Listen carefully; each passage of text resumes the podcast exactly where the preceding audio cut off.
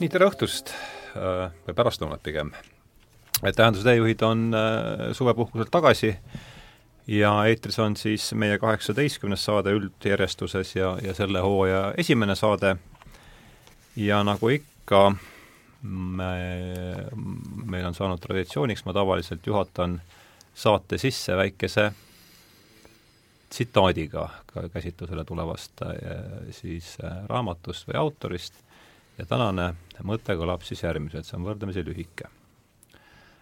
kui tahetakse anda biograafilist seletust kõigi nende struktuurisarnasuste ja kristliku inimese käsi, inimese käsitluse vahel, siis peab küll nentima, et Marx püsib prohvetlikus traditsioonis, ükskõik mil viisil see sünnib. siin on see nii, nagu alati suurte kultuuriloomete puhul. Nad võrsuvad religioossest substantsist, mille mõju ka siis edasi püsib, kui kultuuriline vorm on saanud täiesti iseseisvaks humanumit tema algjuurteni saab mõista ainult diviinumi kaudu, ka siis, kui viimane on eneseteadlikult lahti revinud oma pinnasest. Äh, need read on siis pärit Paul Tillichi artiklist, mis on siis ka eesti keeles ilmunud üheksakümne esimese aasta Akadeemias, kui ma õigesti mäletan, ja artikkel kandis pealkiri Inimene Kristuses ja marksismis. täna me räägimegi siis äh, Paul Tillichist laiemalt ja mul on siis äh, nagu ikka, kaks saatekülalist, alustame siit vastas istuvast inimesest pihta, Alar Laats äh,, Cambridge'i ülikooli filosoofia prof-, äh, filosoofia doktor siis teoloogia alal, eks? ja, ja, ja rõõm on taas tervitada Toomas Pauli, kes on juba kolmandat korda õla alla äh, pannud. Ja ei vaja, kuidas ma ei tea, kuidas me kokku lepime, kas me siin räägime teie või sina vormis, selle võiks ka siis mm saatejuht ütleb. Äh, oleme siis teie peal, et on võib-olla niimoodi et, et äh, te, Toomas, olete, kuidas te ennast siis praegu ise tutvustaksite? noh, ametlikult olen ma emeriitvaimulik, aga jõudumööda Jaani kirikus oma sutlepagabelis löön kaasa ja kui meedia pakub võimalusi, kas või niisugune saade siin või Maaleht, siis äh, püüan jõudumööda neid tellimusi täita. väga hea, siis on tutvustusring äh, peale tehtud ja, ja nagu öelda, täna me räägime siis äh, Paul Tillichist ja esimene küsimus tõenäoliselt suurele hulgale raadiokuulajatele on loomulikult, kes oli Paul Tillich ja hakkame siin Alarist pihta. Nii, Tillich oli kui äh, hästi lühidalt öelda ühe lausega, siis ta oli äh, kahekümnenda sajandi üks mõjukamaid ja üks tuntumaid teolooge.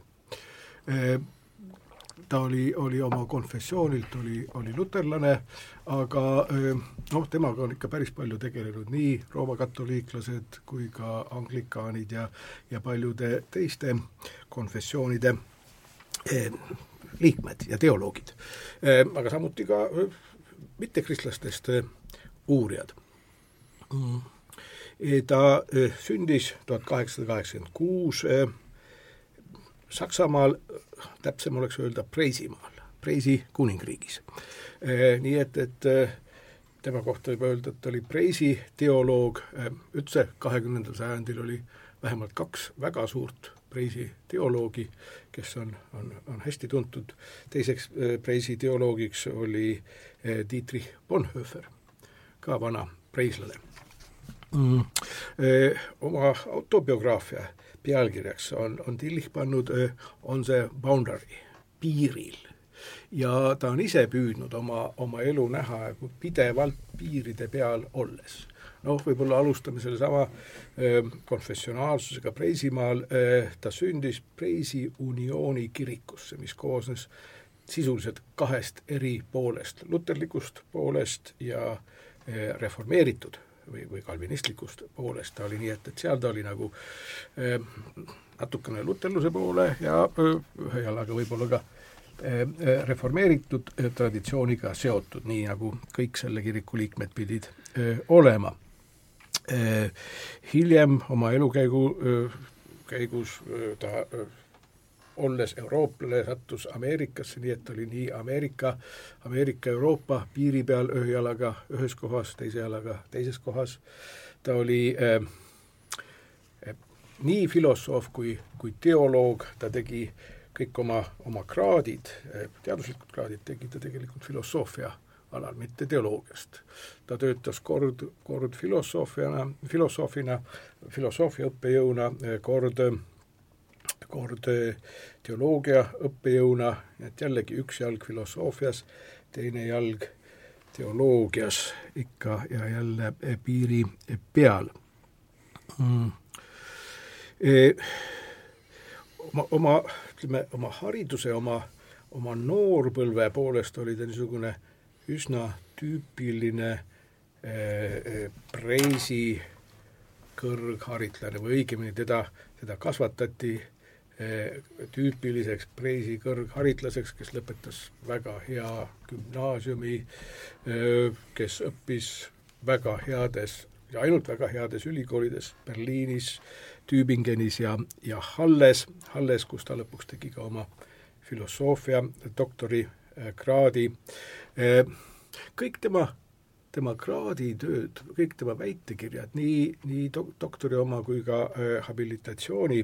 väitekiri olid Schellingist mm., Schellingist, saksa, saksa filosoofist, kes, kes jäi ta ta mõttekaaslaseks tegelikult elu lõpuni, kui me loeme tema, tema teoseid, siis siis see Schellingi nimi ikka ja jälle äh, tuleb äh, päevakorrale ähm,. selle Schellingiga on ka niisugune huvitav märkus siia kõrvale vast, et, et, et terve rida teisi väga tuntud äh, Euroopa mõtlejaid on olnud Schellingiga seotud. Schellingi äh, ülikooli loengute auditooriumis olid äh, Kierkegaard mm., Engels ähm,, terve rida, terve rida äh, vene, vene, vene mõtlejaid äh,, kuulus kultuuriloolane Burkhardt äh, näiteks mm. ja, ja, ja, ja teisigi ja, ja teiselt poolt ütleme, me võime öelda, et, et, et, et Tillich on äh, Schellingi edasiarendaja, eh, Schellingi tooja kahekümnendasse sajandisse, siis mm, umbes sarnase lausega võiks öelda, et eh, Schellingi tooja Venemaale oli Solovjov.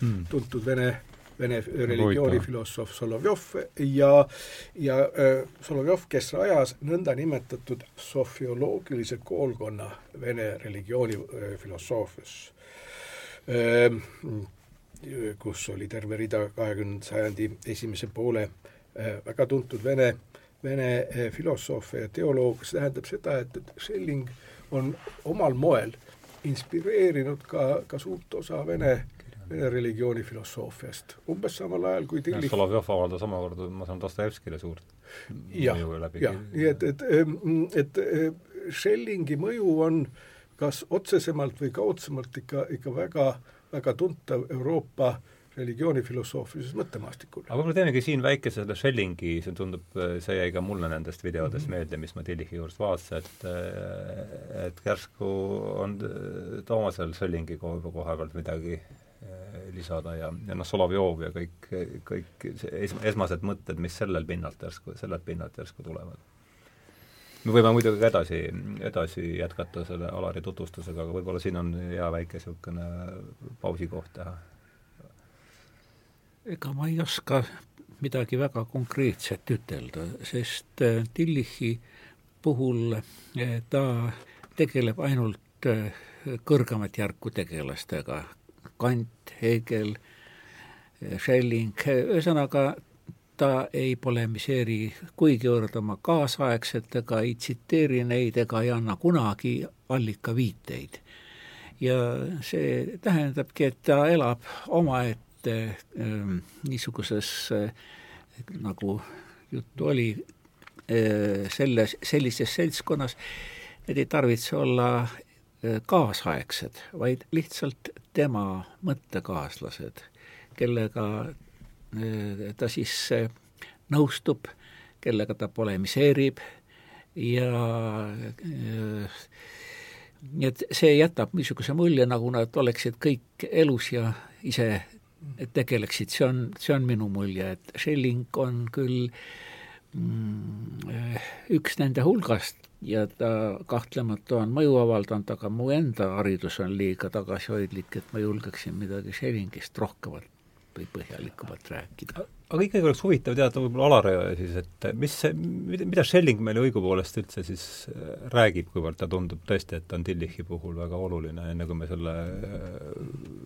kurikulumitega äh, edasi läheme, et, et võib-olla see Schellingi peatus oleks, oleks siin äh, oluline, et oskad sa siin midagi mis on ta, need põhiprobleemid, millega ühelt poolt Schellingitest on erakordselt raske rääkida, sest ta nõuaks mitu eraldi loengut, sest ta, ta, ta, ta elas väga vanaks. ta kirjutas kuni elu lõpuni ja ta muutis oma, omaenda arusaamu väga palju elu jooksul, alati kui ütleme, kui eh, filosoofialoolased räägivad Schellingist, siis nad siis peab alati täpsustama, millisest Schellingist me nüüd räägime, kas mm -hmm. noorest, väga noorest, keskealisest, pisust üle keskea või päris vanast Schellingist. sellepärast ma ei saagi tast öelda. aga, aga proovime siiski, ma saan aru, et see on keeruline eh, Schellingit võiks omal moel nimetada mm, e-, eksistentsialistliku filosoofia paderiks. ristiisa vist natuke liiga palju öeldud siin ah,. niimoodi lausa ja,, jah? aga, aga no juba see, eks ole, et, et Kierkegaard oli tema, tema üliõpilaste hulgas, mm, viitab sellele, vot kui me saksa filosoofiast räägime, siis me peaksime üks lause Heegeli kohta uh. -huh. Heegeli jaoks reaalne on see asi, mis on mõeldav, mis on essentsiaalne, ideaalne, see on reaalsus. kõik muud asjad ei, ei ole päris, päris reaalselt võetavad, aga see on nagu Plat-, platonismiga nad otsapidi haakub, eks? jah, jah, jah, aga Schelling vähemalt oma, oma vanas eas äh, väitis midagi niisugust, et ei ole niimoodi, et tegelikult see, mis mõeldav on, see ei ole päris reaalne, päris reaalne on ikka see, mis, mis konkreetselt füüsiliselt või psühholoogiliselt seda ütles Schelling nüüd? Schelling, just nimelt. see, mis eksisteerib niimoodi. ja, eh, ja see, see mõjutas üsna palju näiteks Kierkegaardi, aga ka hilisemaid eksistentsialistlikke äh, äh, mõtlejaid ja, ja mulle tundub, et ka Tillichi jaoks oli see oluline, et, et päris reaalne on ikkagi see, mis mis füüsiliselt konkreetselt eksisteerib, mis ei ole ideaalne, mis ei ole, mis ei ole mõeldav, mõtlemise kaudu me ei saa seda teada, mis reaalselt eksisteerib. mõtlemise kaudu me saame ainult mingid ideed teada. ja nagu ma ütlesin, Hegel arvas, et need ideed on olemas reaalselt, aga Schellingi jaoks just see, see, see, see füüsiline või, või igasugune niisugune empiiriliselt kogetav reaalsus ja, ja, ja vähemalt oma elu lõpupoole oli ta seda meelt, et, et, et teada saada, mis on reaalselt olemas, mis on see olemine, mhm. on vaja just nimelt vahetult empiiriliselt seda maailma kogeda. ja see on ka üks neid olulisi, olulisemaid olemine siis äh, being või, või taas, taassain suure, suure tähega? eksistentsiaalne ongi see reaalselt olemasolev mm. -hmm. Ja, on see, on see taassain saksa keeles? taassain on see eksistentsiaalne jah, siin või, või seal olemine mm, -hmm. konkreetselt seal olemine, mitte, mitte, mitte abstraktne olemine, mõeldav olemine, vaid, vaid reaalselt olemine mm. -hmm. ja see on üks neid, mm, me jõuame, ma loodan, hiljem selle juurde lähemale, kui me, kui me Tillichi mõtteid hakkame vaatama, siis, siis, siis see niisugune eksistentsi väljatoomine, eksistentsi kuulutamine selleks reaalsuseks ja sellega tegelemine ja selle tõsiselt võtmine, see on, see on väga oluline tema jaoks, aga see on väga oluline ka ütleme, tema kaasaegsete eksistentsialistide jaoks mm. -hmm. noh, natuke muutust, aga, aga põhimõtteliselt jah hästi, aga lähe-, ma siis vahepeal vaatasin, kontrollisin kiiresti eluaastade järele ja jõudsin ühe oma, kohe oma lapsuse järele, et loomulikult Solovjov ei mõjutanud mitte Dostojevskit, vaid Dostojevski mõjutas Solovjovi, sest ja. äh, need olid nagu nihkes sedapidi, et ma hakkas, hakkas omaenda jutt kahtlasena tundma ja see on ära parandatud, aga lähme siis edasi sellega, et tähendab, siiani mulle jäänud meelde Schelling ja ja, ja siis see piirimõte, ma arvan, et see on oluline, et elu mhm. on, ta on piiride peal, piiride peal tammunud. jah, jah ja. ja..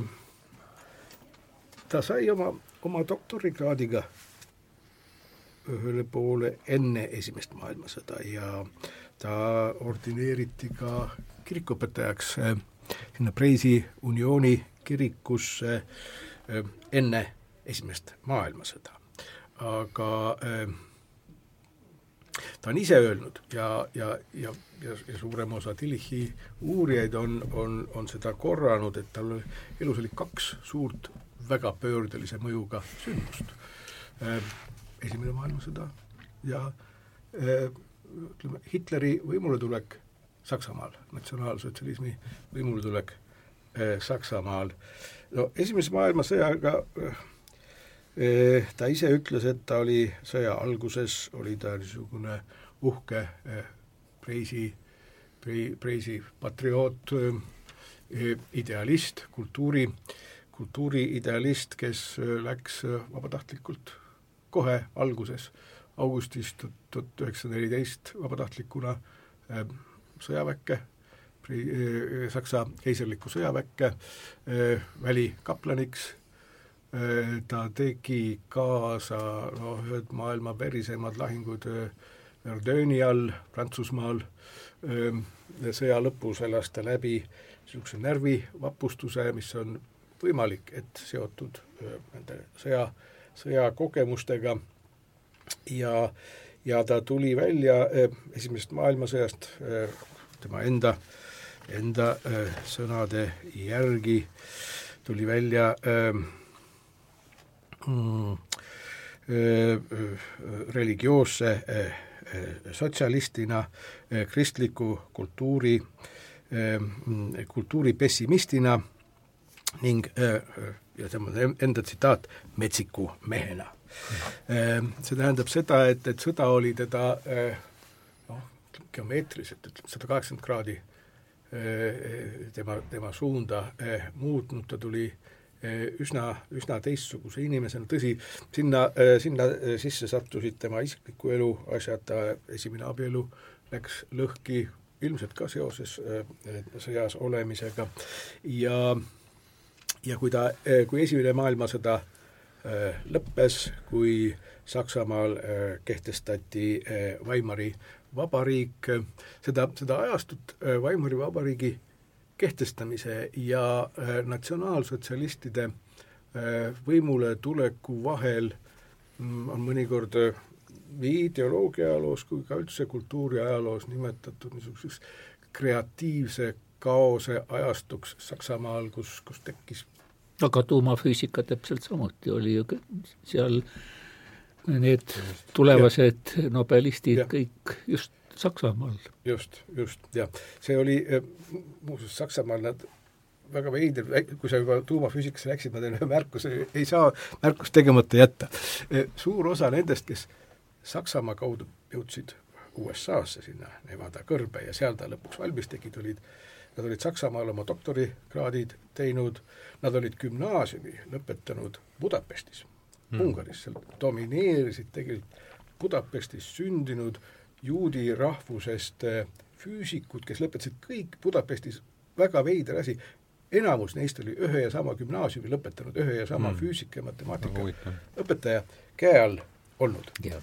et nad olid noh mm., koolivennad. Äh, nad olid äh, läinud Saksamaale, Saksamaal oma, oma, oma, oma doktorikraadid teinud ja ja kuna nad olid enamuses juudi päritoluga, siis eh, pärast Hitleri võimule tulekut nad olid sunnitud Ameerikasse minema ja selle asemel, et teha Natsi-Saksamaale tuumapommi, tegid nad Hitleri äh, tahtel selle äh, ameeriklastele. Aga see oli niisugune kõrvalpõige, osa neist hiljem puutub kokku ka Tillichiga tegelikult, Tillich mm. oli näiteks noh, Einsteiniga, kes tõsi, ei kuulunud sellesse seltskonda, kes oli natuke teise teekonnaga füüsikasse jõudnud, aga, aga ta ilmselt tol ajal oli lihtsalt Saksamaal see niisugune kreatiivne ja. seisund, mis eh, pani teoloogia täitsa ümber mõtlema, eh, noh, Karl Barthi mõjud, eh, see oli ka ju totaalne teisiti hindamine. Ja, ja siis ka need füüsikud. Ja filosoofid ka, Heideggerid, Jaspersid, kõik, kõik, kõik olid seal. sellel ajal. Ja kunst ütleme, eks-, ekspressionistlik, igasugune avangardistlik mm -hmm. kunst Saksamaal, see oli ju, oli täpselt samamoodi hiilgaeg. kas see on ikkagi seesama esimese maailmasõja mõju, et see midagi, järellainetus, mis taga The Shaking of Foundation on Tillichi esimese religioossete kõnede kogu nimi, noh, pealkiri.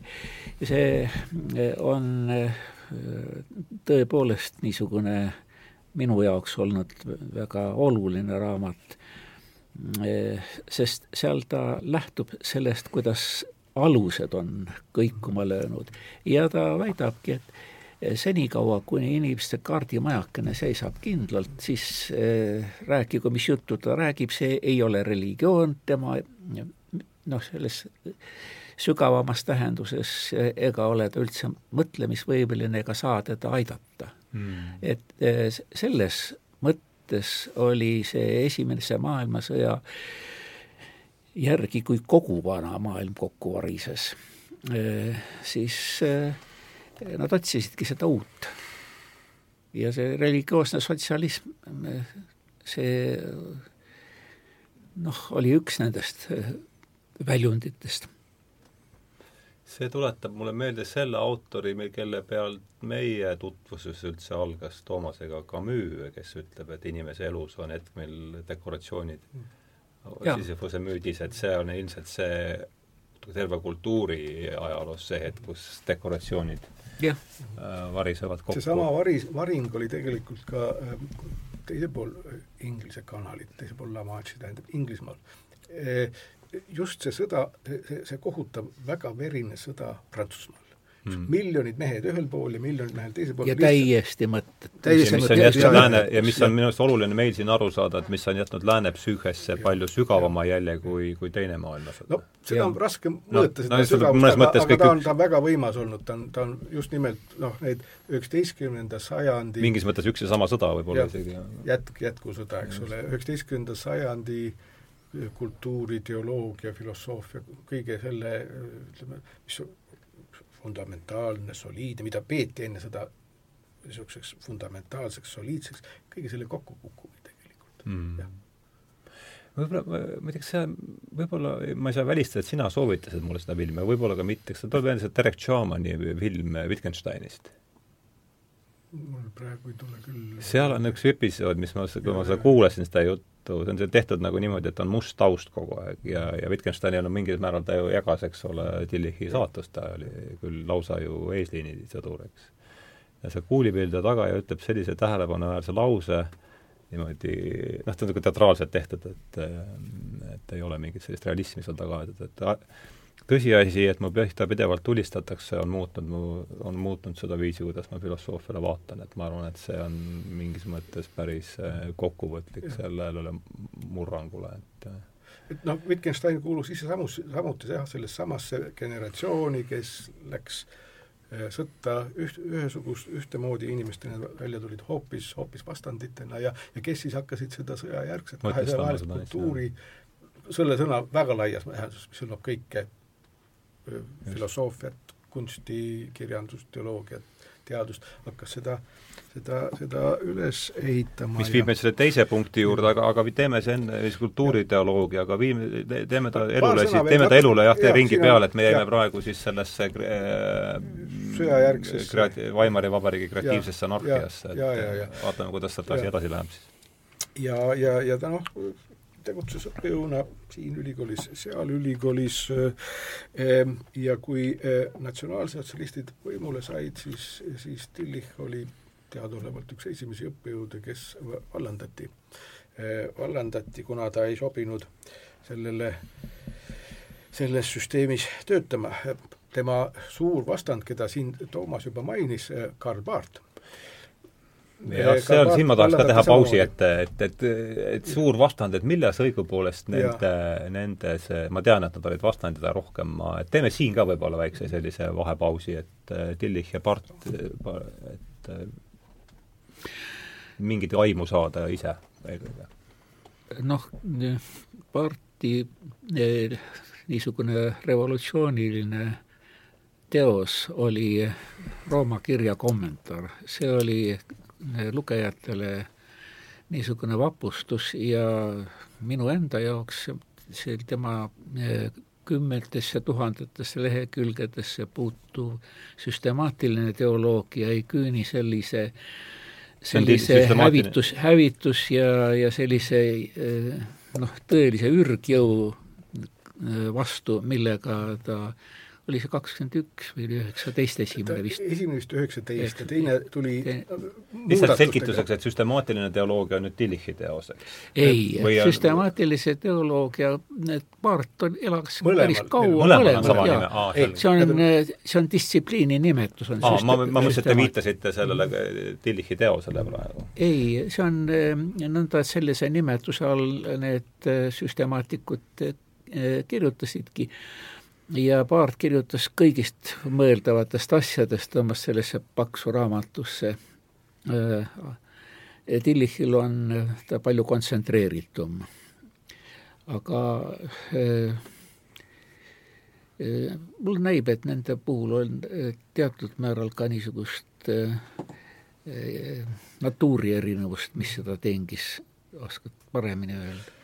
Jah, see natuuri erinevus oleks, oleks huvitav jah, et milleks no seal on juba see, et eh, võimalik, et kui Tillich ei oleks sõtta läinud, oleks tast saanud oma natuuri poolest mõnes mõttes sarnane Paartiga, eh, kes šveitslasena ei käinud sõda, sõjas. tõsi, ta oli Šveitsi omakaitses, ta oli teises maailmasõjas, ta oli Šveitsi omakaitses, nii et ta püss käes istus Baseli äärelinnas ja ootas sakslaste tulekut, aga sakslastel ei tea, neile ei meeldinud, neil oli, nad teadsid, mis neid oleks Šveitsis oodanud. Eh, et ähm, aga, aga jah, Paart ei, Paart ei sõdinud, Paart oli, äh, oli mõnda aega kirikuõpetaja niisuguses hästi viletsas Agulis, nii tegelikult Tillich oli ka enne, enne sõda, oli äh, äh, Moabiti äh, linnaosas Berliinis, töölis Agulis oli, nii et ta, ta puutus teistsuguse sotsiaalse reaalsusega ka kokku teistsugusega selles mõttes. sealt tuli see religioosse sotsialismi teema ilmselt, ilmselt on seal jah. millest võiks ka pärast just, rääkida, aga jääme selle no ta on piiril ja seal ja, ta nimetabki seda, üks on sel-, see niisugune jõukas olemine, mida ta teab, mis see tähendab, ja teiselt poolt selline armetus et Paartil oli selles mõttes, oli sarnane kogemus ka, aga Paart ei, Paart ei läinud, ei olnud sõjas ja Paarti teoloogia on noh, mõnes mõttes vastandlik Tillichile, selles mõttes, et kui, kui, kui Tillich hakkab,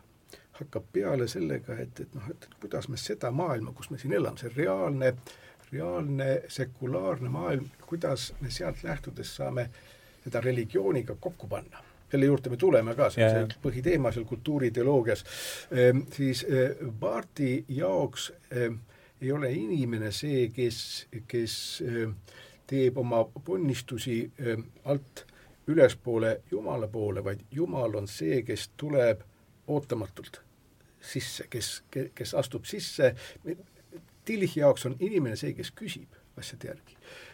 Paarti jaoks on Jumal see, kes inimest küsitleb.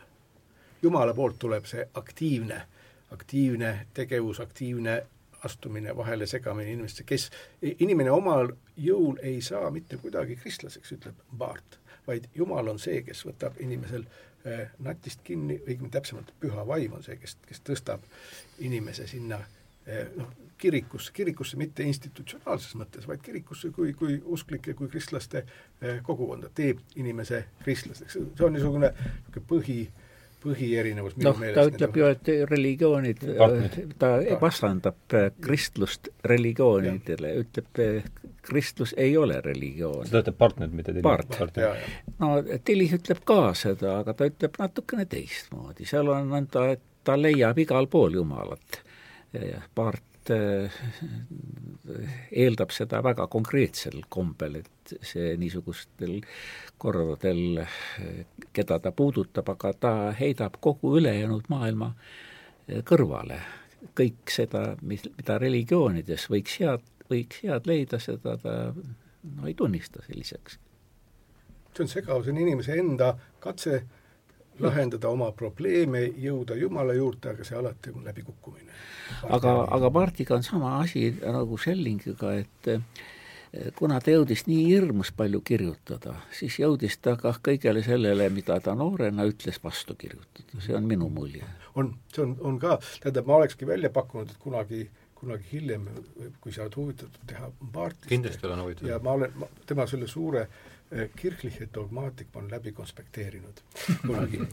Eh, ja eh, kolossaalne. see, aga see oli, aga tead, see oli, see oli, see oli vaimustav, sest ta on väga loogiline, väga teoloogiline mõtleja, seda on, kui sinna sisse saad, alguses on raske sisse saada esimestes köitetes, aga kolmanda köite juures hakkab juba asi väga libedalt minema ja siis sa saad aru, et teisiti ei saagi mõelda, kui Paart mõtleb, et see on ainuvõimalus mõelda, kui sa seal parajasti sees oled ja ta on, ta on väga erudeeritud selle juures.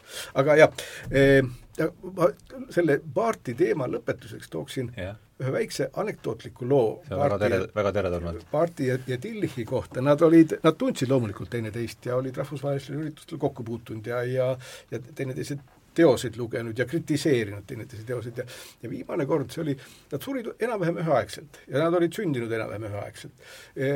Oma viimase Baseli külastuskäigu ajal, kui ta paarti külastas ja ja siis, siis koju tagasi jõudis, siis ta käest küsiti, et noh, et kuidas on, kas te nüüd leppisite ära, saite hästi läbi või läksite jälle tülli ja ja, ja siis ta ütles, et ei, et me, me, me leppisime ära, me, me lahkusime sõpradena ja siis küsiti, aga noh, et miks sa niimoodi arvad, siis paart tuli ja saatis mind trammipeatusesse lõpuks. ja arvutas ta ka välja, ühesõnaga, et et olid kaks, kaks, kaks meest, kes, nad olid huvitaval kombel, kui Tillich oli religioosne sotsialist, siis Baart oli tegelikult Šveitsi Sotsiaaldemokraatliku partei liige, nii et, et poliitilisel tasandil nad ei olnud väga erinevad. Aga mm. teoloogias kaks suurt vastandit, kes, kes tegelikult omal moel olid lahutamatud ka kahekümnendal sajandil üldse mm.. Aga see, see, see viimane kohtumine neil oli, oli juba kuuekümnendatel aastatel palju aega pärast, pärast teist maailmasõda, et ma läheksin nüüd ja, ruttu, ruttu äh, Tillichi juurde, muidu tekib uusi, uusi kiusatusi. ja, ja, ja, ja mulle tundus, see Part ja Schelling olid nagu olulised selles Part selle... ei olnud Schellingi mees. ei, ma mõtlen need vahepeatustena, Schelling ja Part Tillichi elus on ilmselt ühe, ühe mehe juurde jõuaksime veel ka okay,, keda aga... ma mainiksin meelsasti siin, siiamaani me ei ole veel teda maininud ja teda, teda tuntakse väga, me kohe jõuame sinna. ootan põnevusega. ja äh, üks, üks kaasaegne, kellega tegelikult äh, Tillich väga palju polemiseeris, aga kes oli ta lähedasi sõpru, aga noh, kuna me nüüd juba oleme, siis ma räägin sellest ära äh,. Tillichi noorpõlvesõber oli mees nimega Emmanuel Hirsch. Emmanuel Hirsch, kelle kohta nad olid, äh, nad olid, nad olid lähedased sõbrad mm, ma tean, nad olid väga palju kirjavahetuses ja mõnikord jääb isegi niisugune mulje, et, et päris mitmed Tillichi ideed, mida ta on välja käinud, on tegelikult välja kasvanud sellest diskussioonist, dialoogist Emmanuel Hirschiga, kirjalik, vähemalt kirjades on neid jälgi olemas mm. -hmm. et ja, ja ei saa sugugi öelda, et Emmanuel Hirschil, Hirsch oleks vähem originaalne mõtleja olnud kui Tillich, aga Hirschil läks vähemalt kaks asja elus väga halvasti. esiteks see, et ta oli, ta oli, ta oli juba noorpõlvest peale ühest silmast pime ja kusagil ülikooli lõpetamise järel habemeajaja vigastas ta teist silma ka, nii et ta oli noh, ütleme erakordselt, noorpõlvest peale erakordselt viletsa äh, nägemisvõimega, ta pidi palju, palju kasutama ettelugemist ja aga ta oli ka ikkagi ülikooli professor öö, nagu iga korralik saksa haritlane. Oma kõigi doktori ja, habilitatsioonikraadidega, tema teine suur, suur probleem oli see, et et, et ta, ta kiitis Hitleri võimuletuleku heaks ta oli mm. Natsionaalsotsialistliku partei liige. Ta oli nõndanimetatud, kui, kui Hitler võimule sai, siis saksa kristlus lagunes tegelikult mitmeks suunaks, see, see riigimeelne, see on see saksa kristluse nime all tuntud asi ja tema oli saksa kristluse üks, üks, üks, üks suuremaid ideolooge üldse mm.. selle juhte olid, teised olid seal näiteks Dietrich Bonhoefferi, keda siin täna sai nimetatud, tema oli üks, üks, üks, üks just nimelt vastupidise suuna mehi. ja suur osa maksis eluga vist selle eest, kui ma tema vist maksis eluga selle eest või? Eh, jah, Dietrich Bonhoeffer poodi kaks nädalat enne seda, kui ameeriklased selle kontsentratsioonilaagri vabastasid, kus ta istus, ta poodi seal üles, sest ta oli segatud Hitleri vastasesse vandenõusse. tema ja tema vend ja tema kaks, kaks kälimeest ja, ja terve pool sellest suguvõsast, see on väga vana, nii nagu Tillichi suguvõsa oli vana Preisi suguvõsa, nii oli ka Bonhoeffer vana, vana Preisi suguvõsa mm. -hmm. Bonhoeffer on jälle niisugune mees, kellest ka, kellest on üsna raske rääkida tegelikult. aga, aga, aga kes, kes tasuks, kelle tundmine oleks, oleks, oleks võib-olla vajalik Eestis ka ehm,.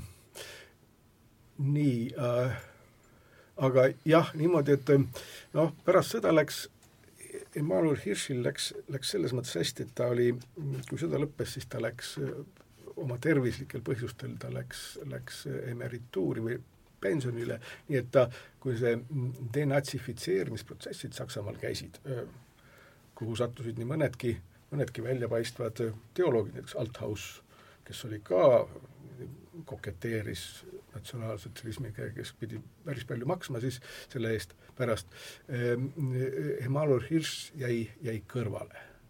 ja kolmekümnendatel aastatel Tillich ja Hirsch pidasid üsna teravat sulesõda teineteisega mm.. avalikku?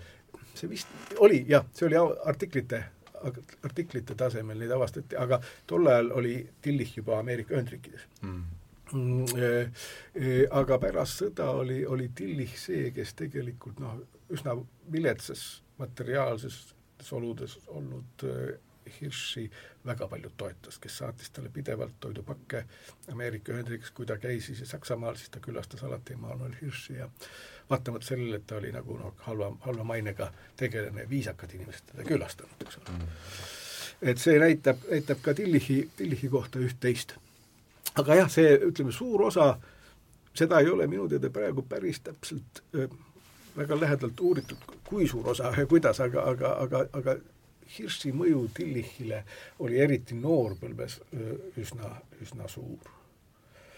ilmselt ongi nõnda, et ka suured mehed on mõjutatavad olnud ja kui keegi viitsib, suudab kaasaegseid ja natukene eelnevaid niisuguste jälgede järgi otsida, siis leiab ikkagi, et ka see, mis tundub täiesti originaalse ja avastuslikuna, see on üle võetud kelleltki. või modifitseeritud, muudetud, eks ole, aga, aga aktualiseeritud, niimoodi ja. sõnastatud, et see sellele põlvkonnale mm, nüüd läheb pärale ja ja kas, kas see on siis nüüd plagiaat või ei, Dean Inch on öelnud, et plagiaat on originaalsus on avastamata või paljastamata plagiaat. Kas tühjale kohale ei, ei, ei ehita midagi, sa pead, mingi alus peab sul olema, et edasi ülespoole minna, sa pead kellegi kukile minema, eks ole, et kaugemal näha kui see, kelle kukil nii et need mehed ka, kellest siin juttu on olnud, need sõltuvad üksteisest ja eelnevatest, nii et siia võib leida ja. Eh, nende kirjutistest ja nende mõttekäikudest, sest eh, kas või see Tilti, Tillichi äh, Ultimate Concern on ju Schlechtinike Abhängigkeitsgefühl Schleiermacherilt. kuidas see Schleiermachi versioon oli sellest? Schlechtinike Abhängigkeitsgefühl sõltuvustunne täiesti. vahe, vahendamatu või vahenditu sõltumatuse tunne, see tähendab kohtudes, kohtudes absoluutselt erinevaga ja tundes, et sa sellest sõltud. ja see on see ultimate concern, noh, ma ei oskagi seda ilusas eesti keelde panna. mis viimselt korda läheb, Tillich sõnastab seda, aga aga mu meelest on sisuliselt see ju Schleiermacherilt eh, noh, kas üle võetud või kokku langev. jah, vaat Schleiermacher jäi ka, ütleme, nendest videodest, mis ma Tillichis nüüd vaatasin, Schellingi kõrval oli Schleiermacheri mainitud teise tähtsa alli sellise mõjutaja, mida me Schleiermacheri kohta, nii et ärme siin pikka pausi tee, aga lihtsalt paari lausega markeerida, et mida tema meile üldse, kes ta üldse oli ja mida ta meile rääkis. tahad sa, Toomas? kui ütleme niimoodi, esimene maailm, üheksateistkümnes sajand teoloogia ajaloos lõppes eh, augustis tuhat üheksasada neliteist Mm. kui läks No, seal äh, kahuritega äh, mängimiseks, siis, siis oli noh, ja mitte ainult, mitte ainult, mitte ainult öö, teoloogias, vaid üldse Euroopa kultuuri ajaloos üks periood lõppes, üks sajand lõppes neljateistkümnendal aastal, tuhat üheksasada neliteist, aga vähemalt teoloogia ajaloo üheksateistkümnenda sajandi alguseks loetakse aastat tuhat seitsesada üheksakümmend üheksa, kui ilmus Schleiermacheri need kõned Mm. kõned äh, religiooni äh, haritud põlgajatele vist oli Jah. see, jah, sellise pealkirja all äh, kõned, mis olid mõeldud, noh, tegelikult see on seesama projekt, mida, sama eesmärk, mis, mis, mis ka Tillichil oli. kuidas saab rääkida kristlust, kuidas saab kristlust seletada ja vastuvõetavaks, arusaadavaks teha äh, kaasaegsetele haritud sekulariseeritud inimestele ja, ja, ja Schleiermacheri üks selliseid põhi, põhi, põhi eh, väiteid oli see, et, et see religioosne mõjutab just nimelt, ütleme selle tunnete kaudu, feeling, tunnete, tunnete kaudu, jah, ja see on see, mida siin Toomas tõi ka näite või see on see põhi, põhi, põhiasi oli see, eks ole, et see eh, täieliku sõltuvuse tunne. see on, see on väga sarnane On Abhängigkeitsgefühl ja, ja mis see, mis seal ees oli, see, mis see omadussõna oli? Schlechthinnige Ah, täielik- Schlechtinnige, jah, ega see on niimoodi, et kui sa teoloogiast mõtled, eriti Euroopa kontinendi mõtled, sa pead saksa keeles mõtlema, ega eesti keeles ei saa hästi mõelda, sest see nii palju aega kulub tõlge, tõlkimiste aga peale. peame selle No, tõlked endale sel- no minu põlvkonna Eesti teoloogid veel on pidanud saksa keelt valdama, lugema ainult saksa keeles, kui neist üldse midagi on saanud. nüüd praegu saab ilma ka võib-olla, aga aga noh, see oli endastmõistetav, et loed ja mõtled. Mhm.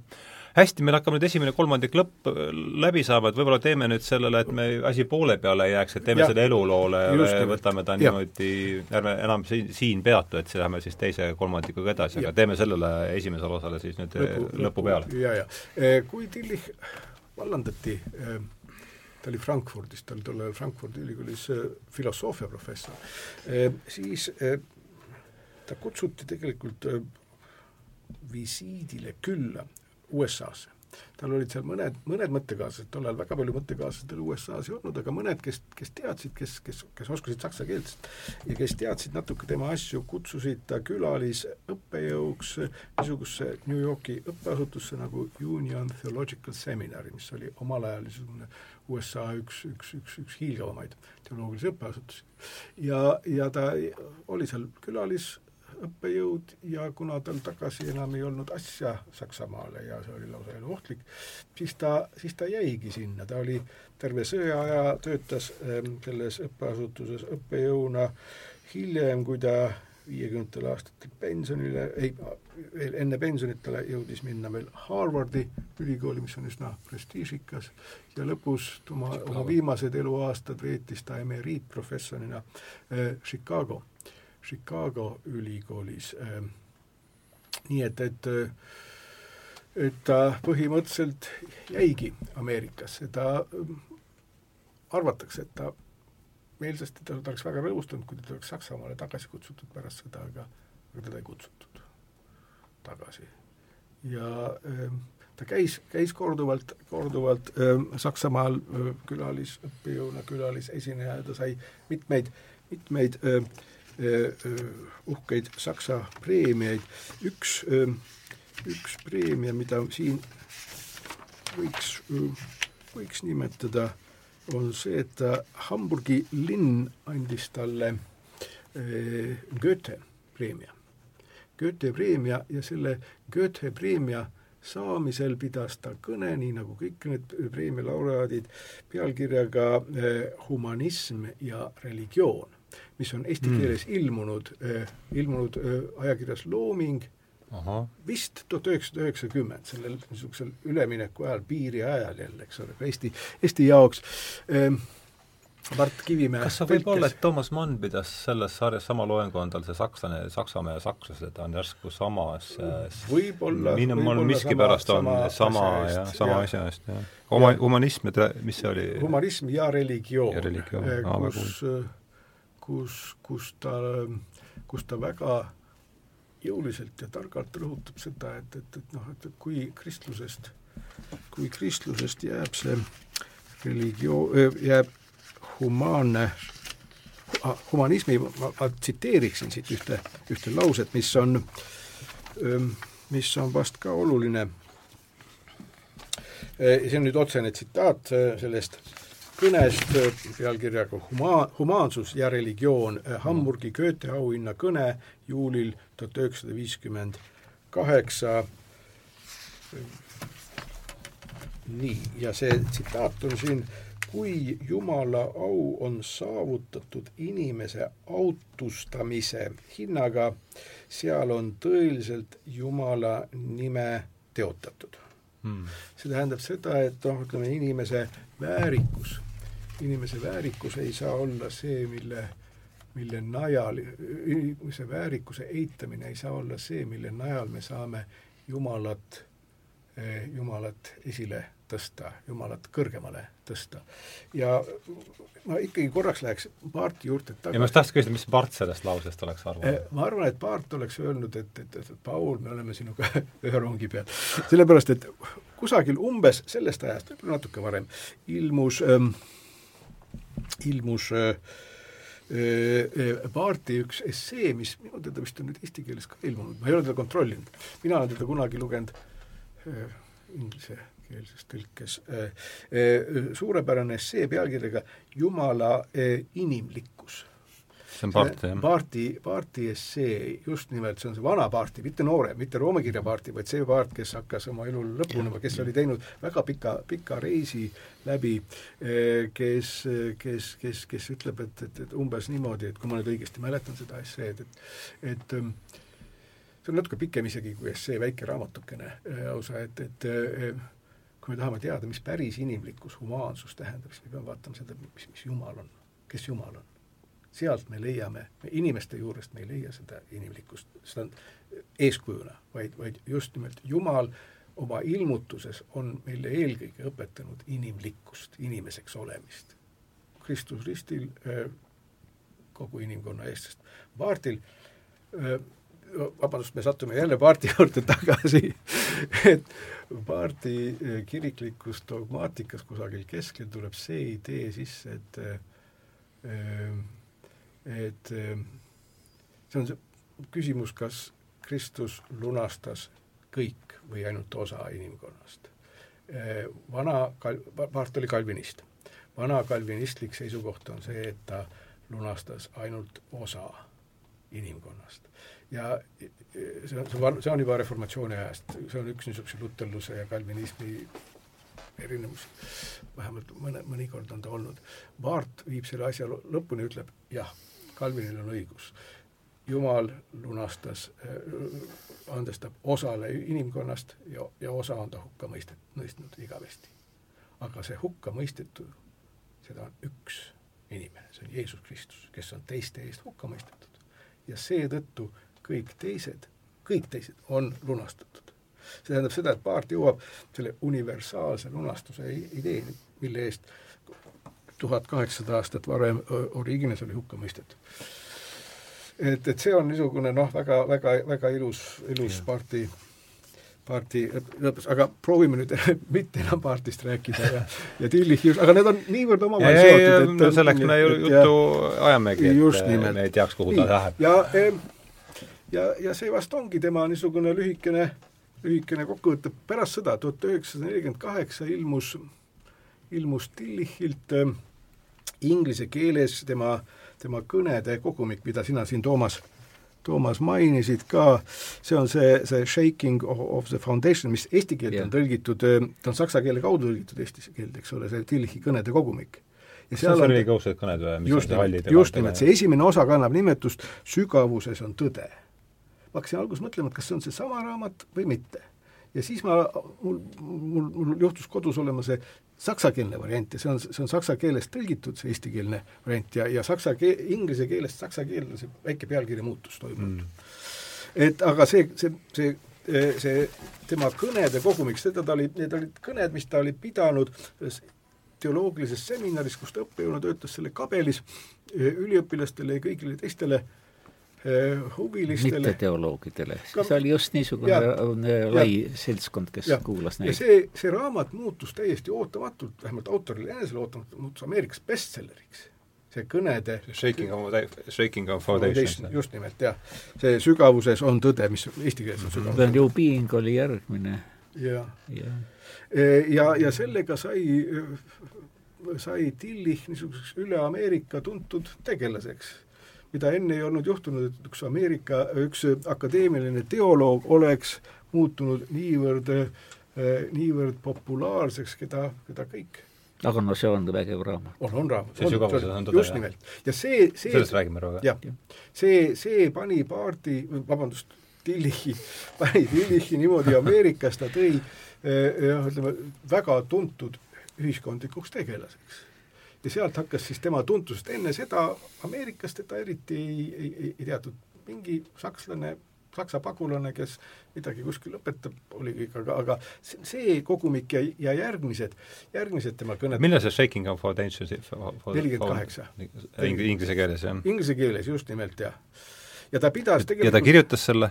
see oli noh, ta oli umbes kümnekonna aasta jooksul, mis ta oli seal eh, teoloogiaseminaris mm -hmm. töötanud, selle aja jooksul Aha. oli ta need, need jutlusi ja, või kõnesid pidanud.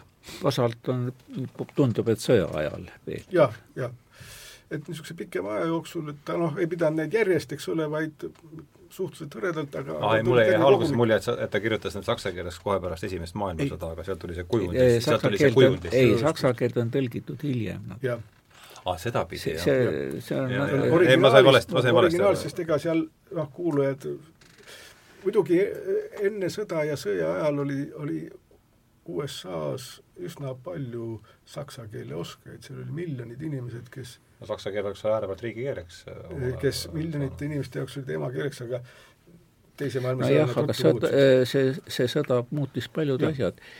kui ei oleks sõda ja seda kontingenti juudi filosoofe ja füüsikuid ja kõike seda olnud, mis seal Ameerika kultuuril eriti oleks praegu.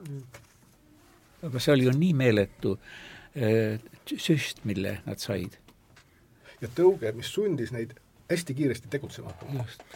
ja aga siit ongi võib-olla nüüd hea minna siis selle teise saate osa juurde, kus me räägime siis Tillichi ideoloogiast ja, ja filosoofiast ja ja me leppisime eelnevalt kolmekesi kokku, et me räägime siin, ma saan aru, et Tillichi puhul võiks rääkida väga paljudest asjadest, aga aga ajapuudusel peame siin ühe välja valima ja räägiks tema kultuuri teoloogiast.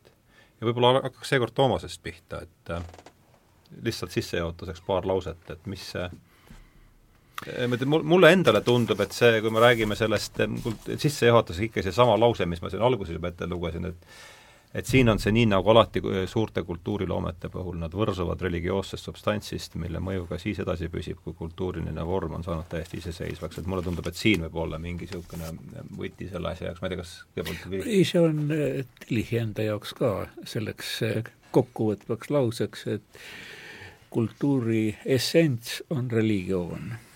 Ja eh, nad eh, sõltuvad teineteisest ka sel korral ja edasi, kui kultuur arvab, et ta on areligioonne või siis eh, ateistlik, et see kasvab välja sellest, et ta tuli, pakkus välja, et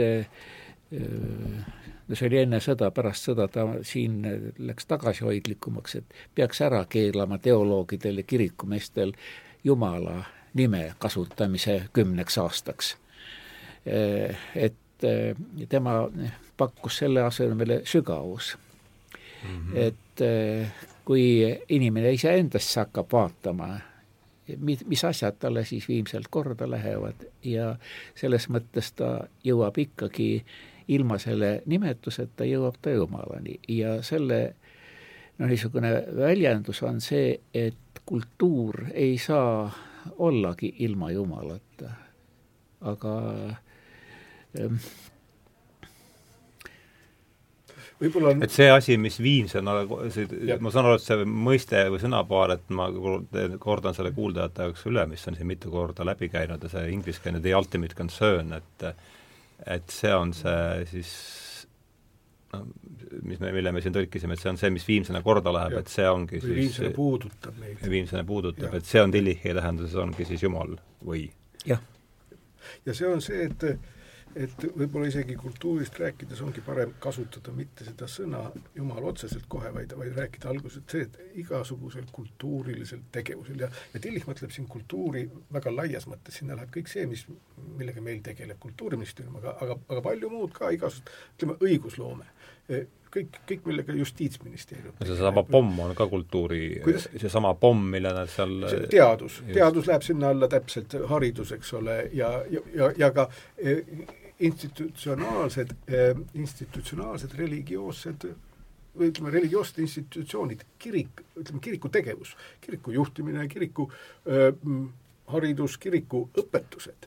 Ja, ja, ja paljud asjad läheksid ka sinna, sinna alla, sinna kultuuri alla selles sõna laias mõttes. Ja, ja igasuguse kultuurilise tegevuse puhul Tillichi meelest, nii vähemalt mina saan aru, et me võime kui me läheme sügavusse, sügavuti sinna sisse, otsime, miks, mida tahetakse siin öelda, mida, mida see või too autor, mida näiteks, mida see või too autor tahab öelda, me jõuame lõpuks selle juurde, mingisuguse asja juurde, mis on sellel autoril väga oluline, mida ta tahab hirmsasti välja öelda, mis, mis teda liigutab, ta ei pruugi seda isegi iseenda jaoks seda sõnastada täpselt ära, eks ole.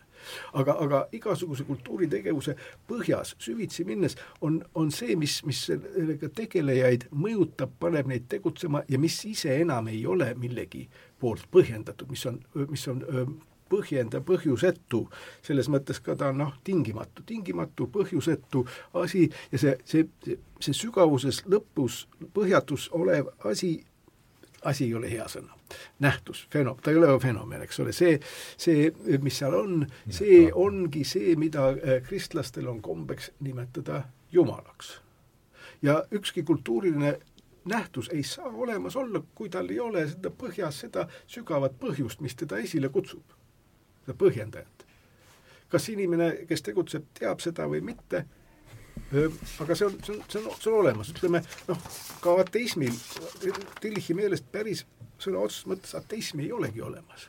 sest ateisti jaoks, kui ütleme, ateistlik kirjanik kirjutab pilaloo Jumalast, siis tegelikult me saame hakata minema tagasi selle peale, vaatama, miks ta seda teeb mis on need ajendid ja me saame allapoole sügavuti, sügavuti minna, kuni me ilmselt leiame, Tillichi meelest vähemalt, leiame selle koha, et sellele autorile, sellele ateistlikule kirjamehele on mingi asi hinge läinud, korda läinud. see, see, kui ta näitab Jumalat naljakana, siis, siis teda tegelikult on see häirinud, ta on kusagil seda kohanud. Tillich ütleb, et, et ateism on tegelikult üks religioonikriitika vorm ja selles mõttes on, on, on müstika kõige leebem religioonikriitika, kui religioonis läheb midagi untsu, siis esimene reaktsioon on, tekivad müstilised liikumised ah,. sa tabasid müstika religiooni kriitiliste nähtustena. ta, ta, ta, tal on palju rohkem funktsioone kindlasti. lubasime küll teie peale minna, vana tutvus lõi läbi Till-, Tillich ütleb, et see, seal on kindlasti rohkem, müstikal on palju rohkem kui see kriitiline funktsioon, aga see on üks kriitilisi mm. funktsioone. teine on see prohvetlus, eks ole, Vana-testamendis kõige, kõige, kõige ilusamini ja selgemini esile tulnud see religiooni kriitika, mida teevad prohvetid.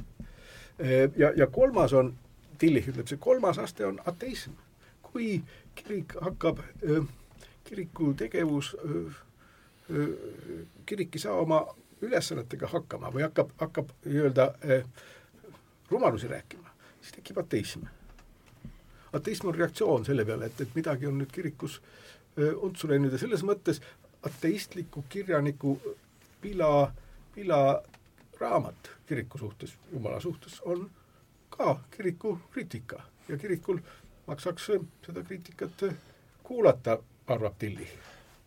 Kui me juba läksime selle pila poole, et mul on niisugune tunne, et, et üks autor, kes on meil siin seda mentaalset maastikku päris oluliselt mõjutanud, on seesama äh, ma ei tea, miskipärast mul niisugune mulje tulnud, et seesama Hans Bist-, Bitstruppi see mingi niisugune, kas tuleb kellegi ette, oli mingi niisugune karikatuuriraamat, kus maailma loomine. jah, kus kujutati Jumalat siis mingi seal pilvepiiril istuva habemikuga. Ja ma olen kuulnud siin sellise noh, ka isegi saa-, osade saatekülaliste käest, et, et niisugune kujutus äh, siis sellest asjast, mis viimsena korda läheb, äh, et, et ma ei tea, kuidas, mis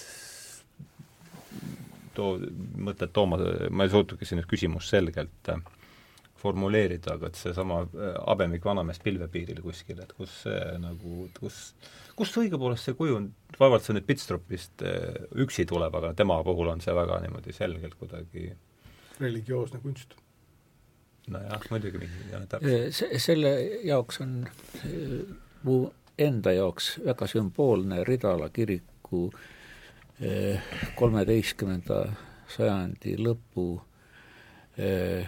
kooriruumi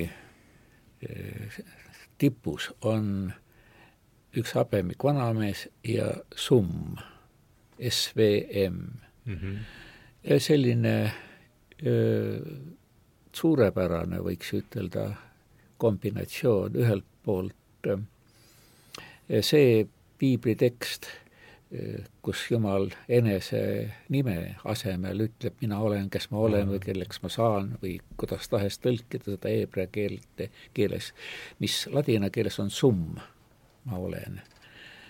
Äh, niisugune kõrgfilosoofia ja teiselt poolt väga primitiivne habemektaat. et ähm, senikaua, kuni nad mõlemad koos on, mõlemad poolused. Mm, -hmm. on kõik korras, aga kui ära langeb see teine, siis saabki sellest äh, üks naljakas valjaste varvastega vanamees. No varvaste peale ma ei ole tal kunagi midagi jalas. See on väga oluline, sellele varba aspektile ma ei ole vaata, aga see on kahtlemata oluline. no kui ta seal pilvepiiri peal ja mis ta neist kingadest seal nii et selles suhtes ongi just siin, religioon on iseenesest palju-palju komplitseeritum. Ja kui järgi jääb ainult see niisugune kõige noh, piltlikum või, või selline, siis, siis kaob ära see essents, siis kaob ära see, mis sulle korda läheb. see niisuguse tegelase suhtes ei olegi sul muud kui ainult noh, kaastunne või siis paneb muigama. paneb muigama et see, selles mõttes, kui võtta just siin Tillichi suhtumist, siis on see ilus illustratsioon, et sellel ei ole religiooniga tegemist midagi.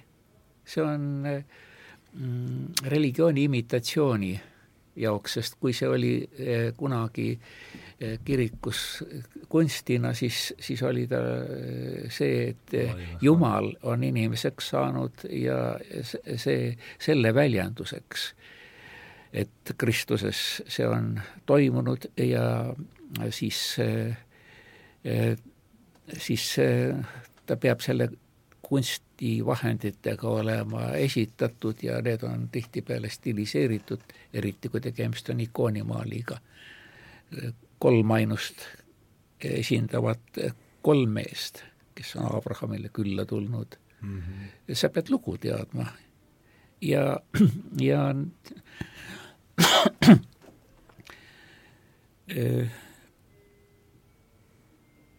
kui kui see ära kaob, siis tulevadki asemele teised asjad, Pitstrupi puhul ma ei tea, mis asja peaks tema elulugu teadma.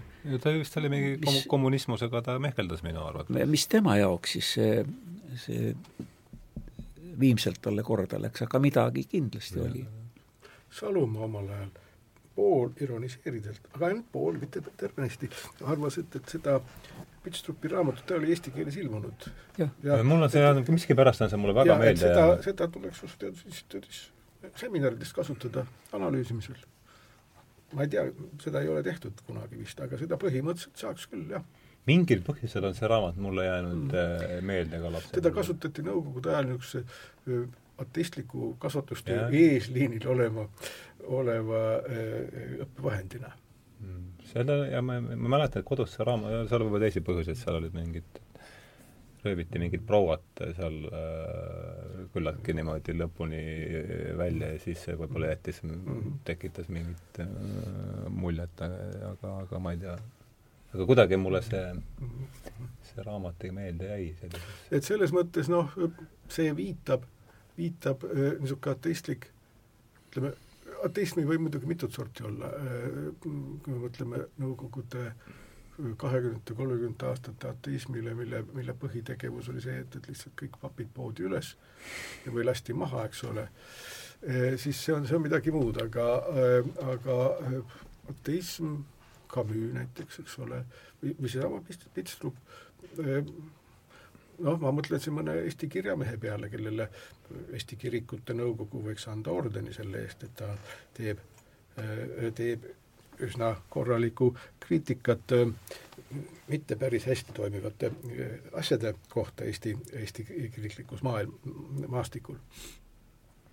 et, et, et ja, ja Tillich, Tillichi selle taga on ka see, ütleme, see Tillichi arusaam, et ei saa olla, olemas olla mingit tõsiseltvõetavat, jah, viletsat kultuuri võib olla ilma selle, selle sisuta, ilma selle süvadimensioonita, aga, aga tõsiseltvõetav kultuur, kultuuri öö, nähtused, neil on olemas oma, oma süvadimensioon, kas me seda näeme või mitte, kas selle tegija ise teab sellest mida või mitte, aga see on, see on paratamatult olemas ja teiselt poolt, teiselt poolt saab jälle öelda seda, et ei ole olemas religioosset dimensiooni ilma selle kultuurilise kestata, ilma selle kultuurilise riietuseta ja katteta.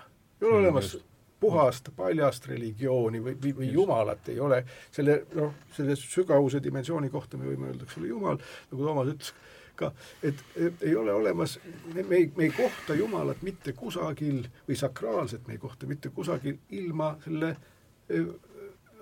kultuurilise kestata, mis on aja, ajalooline ja, ja kohast tingitud. jaa, aga niimoodi võib-olla ongi siin sobiv äh, rääkida mõistest, mis meil siia minu meelest ei saanudki kirja, kui me hetk kokku leppisime, millest me vist tõenäoliselt ei saa praegu mööda minna ja mis on kohe ka seal Vikipeedia päises see mõiste, temapoolse korrelatsioonimeetod, eks, et räägime sellest, äh, et mis asi see on okay. ja, ja minu arust ta haakub siia praegu päris hästi, eks ole. Toomas, tahad ehm,?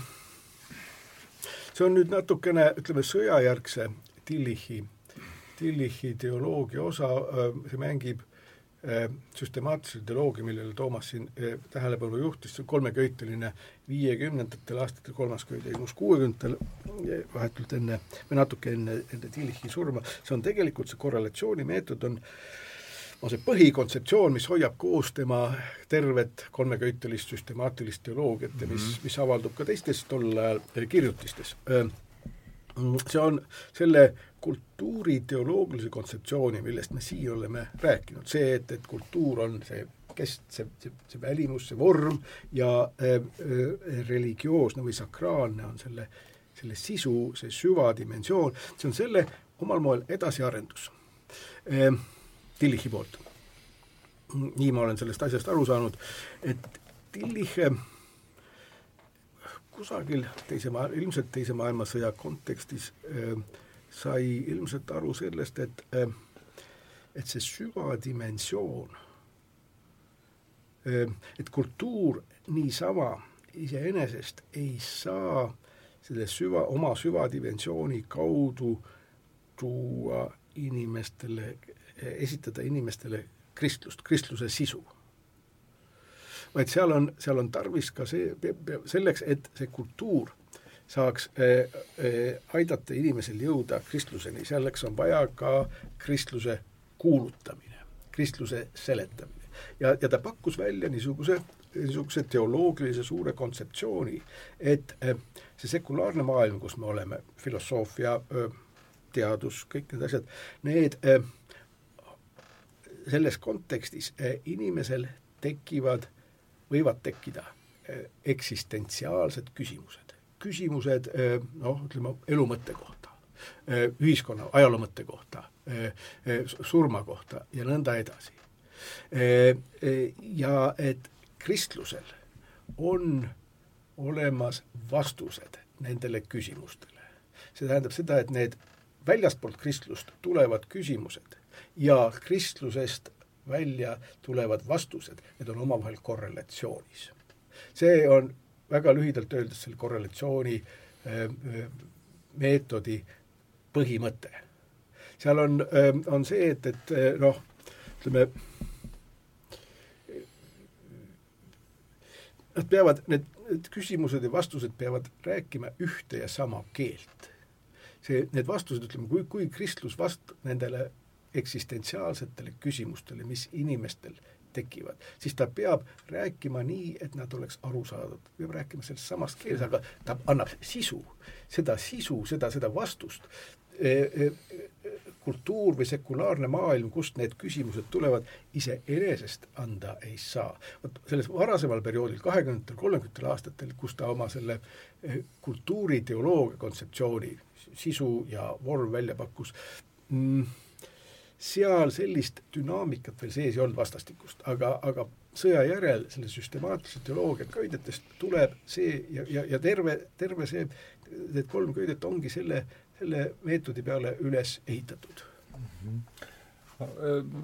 Toomas mainis siin just seda, et mis mulle saate alguses see, et, et sinust tuleb kõik needsamad asjad jällegi igale põlvkonnale tema keeles ja meeles kuidagi lahti seletada, mul on nagu see see mõte, mis ma praegu Alari jutust üles noppisin, et kas jah, see ongi nõnda, et teatud mõisted ja küsimuse asetus, see süvatasandil võib olla sama, aga kui ta on sama,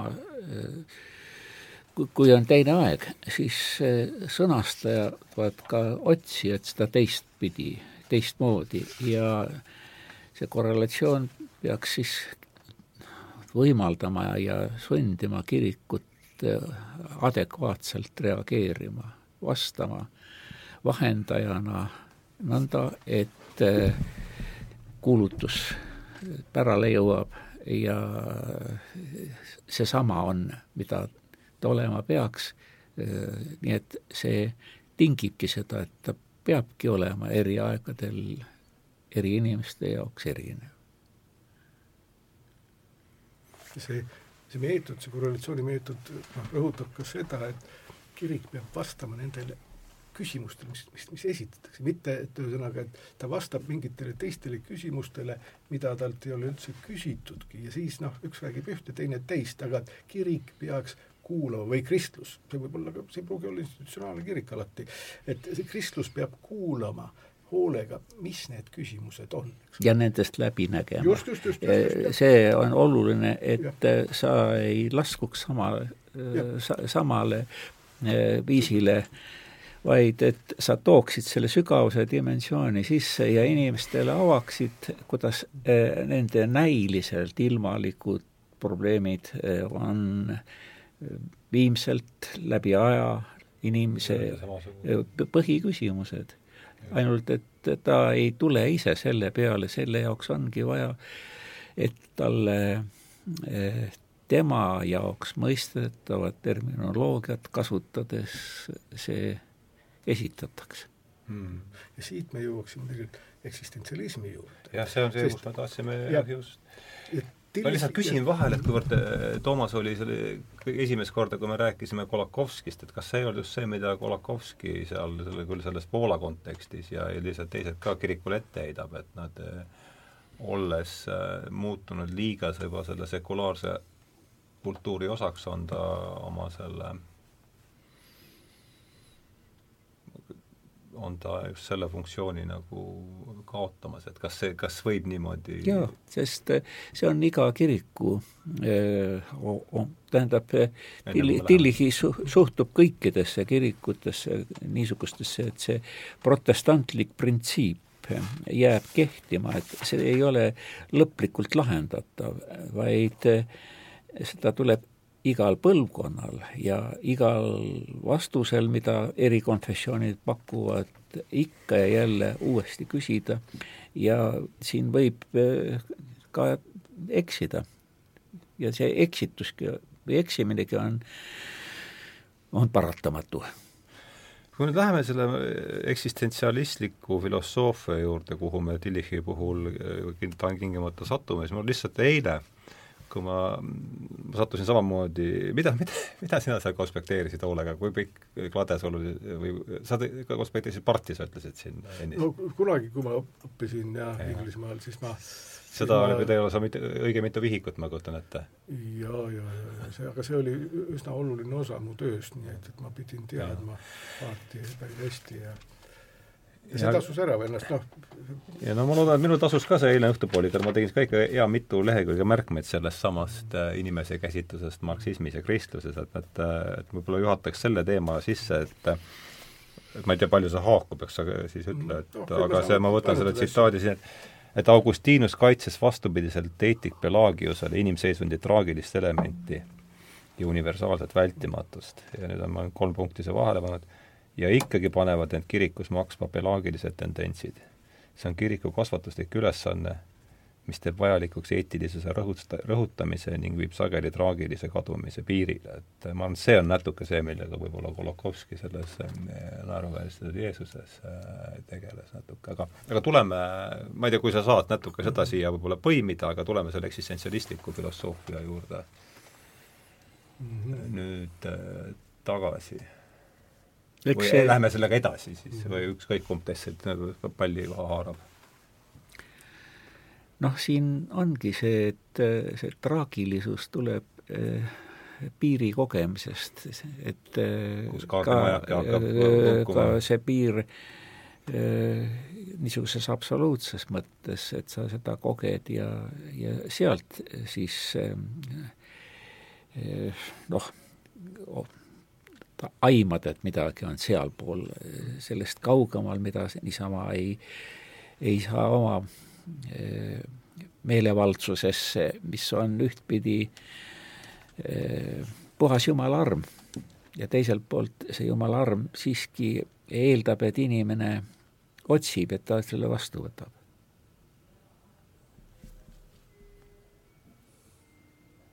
Jaa, ma mõtlen, kuidas teda praegu eksistentsialistliku filosoofiaga kokku panna ehm,. Mm, et et see, see küsimiste pool, eks ole, seesama küsimus kas või näiteks sellesama traagika kohta, et eh, nii Tillich püüab seda asja seletada, et eh, inimene, kui ta endasse ja oma, oma elu ja, ja, ja kõike ümbert vaatab, ta, ta, ta kogeb seda traagikat, surm paratamatult, eks ole. aga samal ajal ta kogeb ka seda, et midagi on, mis hoiab, hoiab meid üleval, vaatamata sellele, et me oleme lõplikud, et me oleme piiratud, et me näeme oma, oma, oma matuseid oma mõtetes juba ees, eks ole, võime näha. midagi on see, et mis on selle vastus. ja, ehm, ja see kristluse poolne vastus sellele eksistentsiaalsele küsimusele, eksistentsiaalsele, selles mõttes, et see puudutab minu olemist, eks ole see minu, minu lõplikkus, ma olen lõplik, aga ikkagi, mis annab mulle mõtte? et eh, Kristus annab selle, selle vastuse ja, ja, ja, ja nüüd Tillichi aga mis see vastus on? vastus on Jumal kui maailma looja. Jumal on äh, lõpmatu, eks ole, ja, ja, ja, ja, ja loojana, kuna loo, me oleme loodud Jumala poolt, siis see annab meile lootust, et Jumal ei loonud meid ainult selleks lühikeseks eluks, eks ole, vaid meil on, meil on suurem perspektiiv ees, et see, see, see lõplik elu, mis meil siin on, see on ainult üks, üks, üks osa sellest. umbes, umbes niimoodi peaks see eh, vastus olema, seal on, Tillichil on terve rida neid niisuguseid eksistentsiaalseid küsimusi elu mõttest ja, ja noh, see oli surma kohta, eks ole, elu mõttest, võõrandumisest, miks mul kõik asjad untsu lähevad, miks, miks, miks ma ei ole noh, ideaalne, midagi jääb alati puudu. mis, minuga on valesti? mis, mis minuga on valesti, eks ole, ja kõigile, kõigile neile niisugustele eksistentsiaalsetele küsimustele ta annab, nad paneb korrelatsiooni nende ähm, äh, äh, kristluse vastustega, aga need eksistentsiaalsed küsimused eh, tema seisukohalt, neid eksistentsiaalseid küsimusi me saame, neid eksistentsiaalseid küsimusi just nimelt väga suures osas annab eksistentsialistlik filosoofia, eksistentsialistlik kunst, kirjandus näiteks. mõttetused, eks ole, igasugused mõttetused, üksildused, isolatsioonid, kõike neid nii-öelda negatiivseid asju, mida eksistentsialism nii kunsti tasemel kui, kui ka, kui ka filosoofia tasemel kirjeldab. Need kõik esitavad neid eksistentsiaalseid küsimusi tegelikult Kristusele. tal on olemas oma, oma kontseptsioon ka selle kohta, et, et eksistentsialism just nimelt üheksateistkümnendal ja kahekümnendal sajandil ilmus, ilmus välja sellepärast, et, et äh, lääne tööstusühiskond jõudis nii kaugele, et inimesed muudeti objektideks, võõranduti ja siin ta ütleb taga, et Marx Marx Marxiga ühes aga, aga samamoodi ka ütleme Kierkegaard ja eksistentsialistlik filosoofia, ta noh, paneb äärepidi Marxi ka sinna juurde, et Marx näitab ka neid eksistentsiaalseid küsimusi. ja ju ta ütleb jah, selles samas äh, artiklis, et Marx on laiemalt vaadates, on Marx osa sellest eksistentsiaalsest mässi, mässust tööstusühiskonna kriitiliselt oskab äh, teravmeelselt välja tuua sealt asju, eks ole, nii nagu Kierkegaard ja, ja, ja ja nii nagu Schopenhauer äh, Nietzsche ja, ja, ja, ja üheksateistkümnendal sajandil ja, ja kahekümnendal sajandil siis Heideggerid ja Sartrid ja Camus'd ja kõik, kõik Jaspersid ja ja, ja teised. ja selles mõttes ongi tema meelest eh, eksistentsiaalne filosoofia või eksistentsialism oluliseks partneriks teoloogiale. ta aitab sõnastada neid küsimusi, ta toob need probleemid välja. ja ta arvab, et noh, et teoloogia, kristlus peaks tänulik olema eksistentsialismile selle eest ja ja, ja selle eksistentsialismi alla ta ütleb, et noh, kui, kui eksistentsialismi laialt võtta, siis, siis mahuks sinna alla ka süvapsühholoogia. Mm.. kõik Freudid, Jungid, Adlerid ja, ja, ja teised, et, et see süvapsühholoogia aitab täpselt samamoodi tuua välja neid, noh, ta ise ütleb vist, et see on, nimetab seda eksistentsiaalseks ohustatuseks inimese olemise eksistentsi ohustatuseks, need on need võõrandumised ja, ja, ja, ja kõik need asjad, eks ole, ja sinna alla kuuluvad ka need eh, inimpsüühika probleemid, millega tegeleb, tegeleb süvapsühholoogia. aga kas ei olegi see, et kui me siin räägime keelest, keelest, et kas ei olegi mitte nii, et see süvapsühholoogia, olgu see siis nüüd võtame seda Freudi või Jungi poolt, et tõenäoliselt rohkem võib-olla Freud, Freud on läinud siin massidesse, et, et kas see ei olegi, et kas needsamad probleemid, millega kristlus on sajandeid tekkinud, kas see ei olegi see, mitte see uus keel, milles needsamad probleemid nagu edasi elavad? just, ta ongi uus keel ja ta ongi eelduseks, miks peab riik äh, ja Tillichil on õigus tänulik olema, et selle asemel, et ise teha see töö, on see töö meie eest ära tehtud. me kohtame inimesi, kes on äh, proovinud psühhoteraapiat mm -hmm. ja, ja kogenud selle piire mm. -hmm. ja siis saab äh, talle midagi muud. see üks oli äh, selle aluste kõikumise kohta, aga teise religioossete kõnede pealkiri on The New Being see being äh, kas sa nüüd, kas, rahus ma küsin lihtsalt vahele, et kas selles religioossete kõnede kogumikus on need eraldi kolm, kolm osa, kolm osa ja need on, mis eesti keelde tõlgitud on. no need on täielikult, eks ju, seda valitud. aga see on Tillichil enda, tal, tal on, tal on sellest eraldi ka kirjutatud äh, käsitlusi, aga lihtsalt see being või eksistents, ta ütleb, et kristluse vastus ei ole mitte need kõik, mis mõeldavad oleksid, vaid eh, uus, totaalselt uus, eh, see, mis teeb poolikuks kõik selle niisuguse sotsiaalse sebimise, millega kirik võib ka tegeleda või pedagoogika, millest ka kasu on, aga mis on ikkagi Pelagiuse oma, aga see lunastus on et sulle pakutakse võimalus täiesti uueks. ja sind võetakse, sa oled vastu võetud vaatamata su enda küürakusele. just jah, selle mõtte ta, ma ei jõudnud päris, kui ma kuulasin seal, ei jõudnud päris käsina, aga see, seda mõtet ta ütleb päris ilusti sõnastuses selles samas kahekõnes Carl Rogersiga, kes tuleb ka täpselt sellest äh, psühho, ma ei tea, mis koolkonnast tema täpselt on, aga aga noh, sisuliselt sellest uue, selle samas Pelagiuse, Pelagiuse puhul ju võiks öelda, ütleme, kui pisut ironiseerida, siis Pelagiuslik, ütleme, niisugune käituge lapsed korralikult, siis Jumal armastab -hmm. Aga Augustinus ütleb, et ja, ja suur osa niisugust radikaalset kristlikku teoloogiat ütleb, et, et, et Jumal armastab inimesi sõltumata nende, sellest, kas neil juuksed on ära kammitud või mitte, kas nad käituvad korralikult. mis tekitab küsimuse, miks ma peaksin siis juuksed ära kammima. jah, aga selleks, juukseid ei olegi vaja kammida selleks, et, et sind Jumal vastu võtaks, vaid seal, seal on teised põhjused selle peale jah mm. -hmm.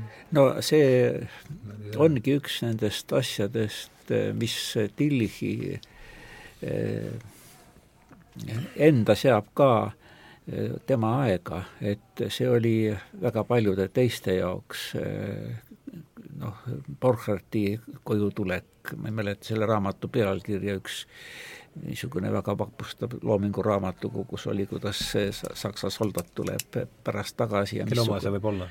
Mäleta seda? No, ma, noh, neid eh, omal ajal õnneks Loomingu Raamatukogus ilmus õigel ajal minu jaoks, et eh, just seda niisugust kirjanduslikku eksistentsialistist, mis vist eh, ilma, et need kuulsused oleksid maitset anda.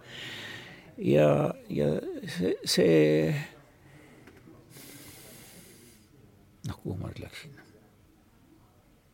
Burkhardi koju tuleb. ei no see kus see on, mul läks ka praegu natukene järg. lõikame selle välja las ta käib ja lõplikkuse juurde. see on eksistentsia-, eksistentsialistlik. nojah, et ta, ta et, et selleks, et tema mõjuda saaks, peab olema inimesel ikkagi väga äng mm,, tugev. Uku Masing on äh, ütlenud, et ta ei tundnud äh, Tillichit ja tsiteerib oma selles usutunnistuslikus loengus, mis on ka akadeemias avaldatud, seda Tillichi autobiograafiast ühte lõiku, kus Tillich ütleb, et tema usu päästis pärast sõda selle kogemine, et Jumal ei mõista mitte ainult patuseid õigeks, vaid ta mõistab ka kahtleja õigeks. tema kahtluse sees, mitte sellepärast, et ta on kahtluse võitnud, vaid ta kogeb õigeks mõistmist oma põhjatus, meeleheites ja kahtluses see on nii vägev tsitaat, ma oleks pidanud selle kaasa võtma on nüüd Masingu millises kirjutises? noh, see on see on Bekavie passusum. see kahtlus, kahtleva õigeks mõistmine, tegelikult Tilchil on eraldi väike traktaat selle kohta olemas. kaht-, kahtleja seda ma ei ole lugenud. ja see on, see on olemas, sellega kahtleja õigeks mõistmine, jah. just, tegelikult on seal niisugune asi, et, et, et jällegi üks vabandust, et ma parti juurde lähen, aga parti, parti iroonia oli Tillichile, et ta, ta korrektee-, korrigeeris Tillichit, et et eh, selle pealkirja pärast ja nüüd tuleb see päris pealkiri välja, et tegelikult, armas Paul, eh, Jumal ei mõista õigeks mitte kahtlusi, vaid kahtlejaid. sest Tillichil on selle pealkiri, et kahtluse õigeks mõistmine Mm -hmm. aga, aga mulle näib, et Tillis siiski eh, ka selle kahtluse mõistab, loodab no,, et õigeks mõistetakse. see on nii piiri peal. Paart ütleb, et inimene, kes kahtleb, see mõistetakse õigeks. Selles... mitte see nähtus iseenesest. aga Sest... Tillis keerab seal vinti no, juurde. väga huvitav, jah mm. -hmm nii, no ütleme nii, et meil on äh, kaks kolmandikku julgelt läbi, ma arvan, et me ei hakka sellest religioossest, äh, ma mõtlesin, et ma oleks selle religioosse sotsialismi mõtte ka veel see nõuab natuke see jõuab jah, et ärme, ärme sellesse praegu. vaatame Tillichit läbi aegade, siis ta, ta, ta, ta suhtumine muutus sellesse, või ta täpsustus aja jooksul. aga tegelikult Toomas viis juba kolmanda osa juurde, kui sa rääkisid Maasingust just jah, et kolmas osa oli, me siis kokku leppisime, et oleks no ma palun vabandust ei, see on paratamatu. segi ajasin osa. sest tegelikult me läksime ju esimeses osas, jõudsime ka me ju iseenesest üks asi, üks asi, mis äh, mis ma siin olen õppinud selle esimese hooajal, on see, et mida ma aimasin juba ennegi, et ega siis meie juttu ei juhi, jutt juhib, jutt juhib meid ikkagi, kui meid on siin kolmekesi keel räägib läbi meie, mitte meie ei räägi keelt. aga et me, aga mitte, mis ei tähenda seda, et ei peaks üldse midagi plaanima, plaanima ja meil on siin väike plaan olemas, et ja, ja, ja plaani järgi oleme jõudnud kolmanda osani, mis kannab pealkirja Tillich Eestis. et äh, hakkame siis jälle siin Toomasest pihta äh, seekord. Tillich oli üks nendest äh, meestest, keda minu põlvkond kuuekümnendatel aastatel, nii vähe kui meid teoloogiat õppimas oli, ikkagi väga mõjutas, kuigi dogmaatikaprofessor oli Bart-Janer Oone Bart, nagu ta ise ütles, tähendab Barti jünger ilma habemeta, Bart on saksa keeles habe, niisugune, niisugune jälle Bart, ega Bardist ei pääse kuskile, siis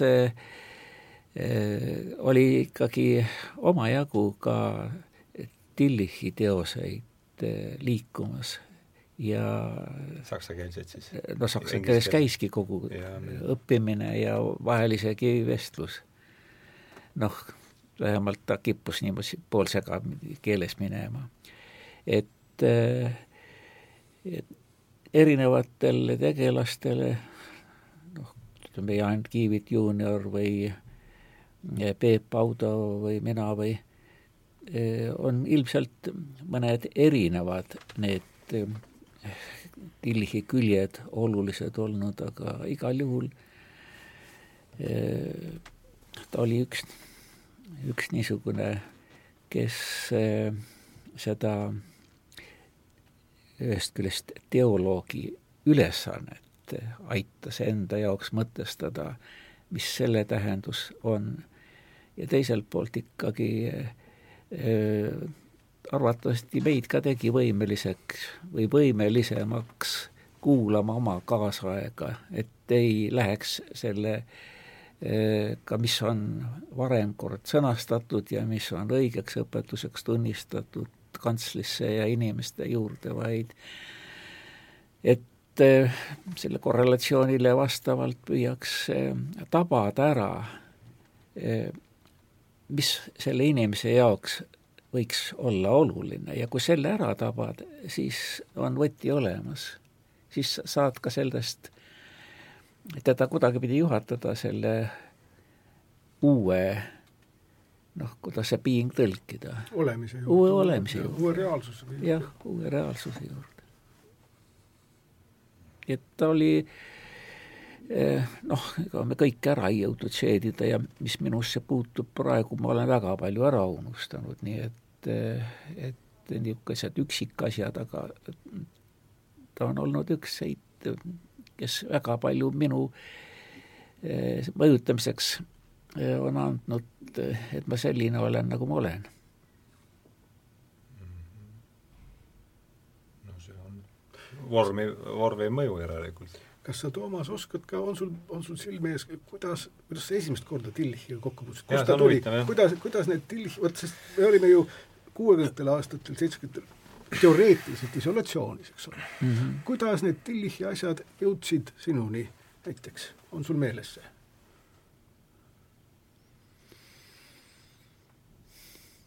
ikka hästi ei tule niisugust konkreetset algust, ei, ei, kõlab ikkagi Salumaa võis olla, aga Salumaa tõlkis minu meelest sellesama marksismi ja sellega ja, Salumaal, vaata, Salumaal on, eks ole, tehtud üks üheköiteline kokkuvõte Paarti kohta, ta tegi sama asja ka Tillichi kohta see oli natuke hilisem. see oli hilisem, just nimelt. Esmatutvumiseks ta ei olnud mm, -hmm. aga see oli väga hea kokkuvõte küll. et ta tegi, mul oli endal see Salumaa kokkuvõte ka olemas, aga ma kellelegi andsin välja, on kaotsi läinud. aga Salumaal on mõle kokkuvõtted nii Partih kui Tillisti? see Parti oma on raamatuna ilmunud, Tillichi oma tal, Tillichi kolmeköitlus süstemaatilisest teoloogiast, see jäi tal pooleli.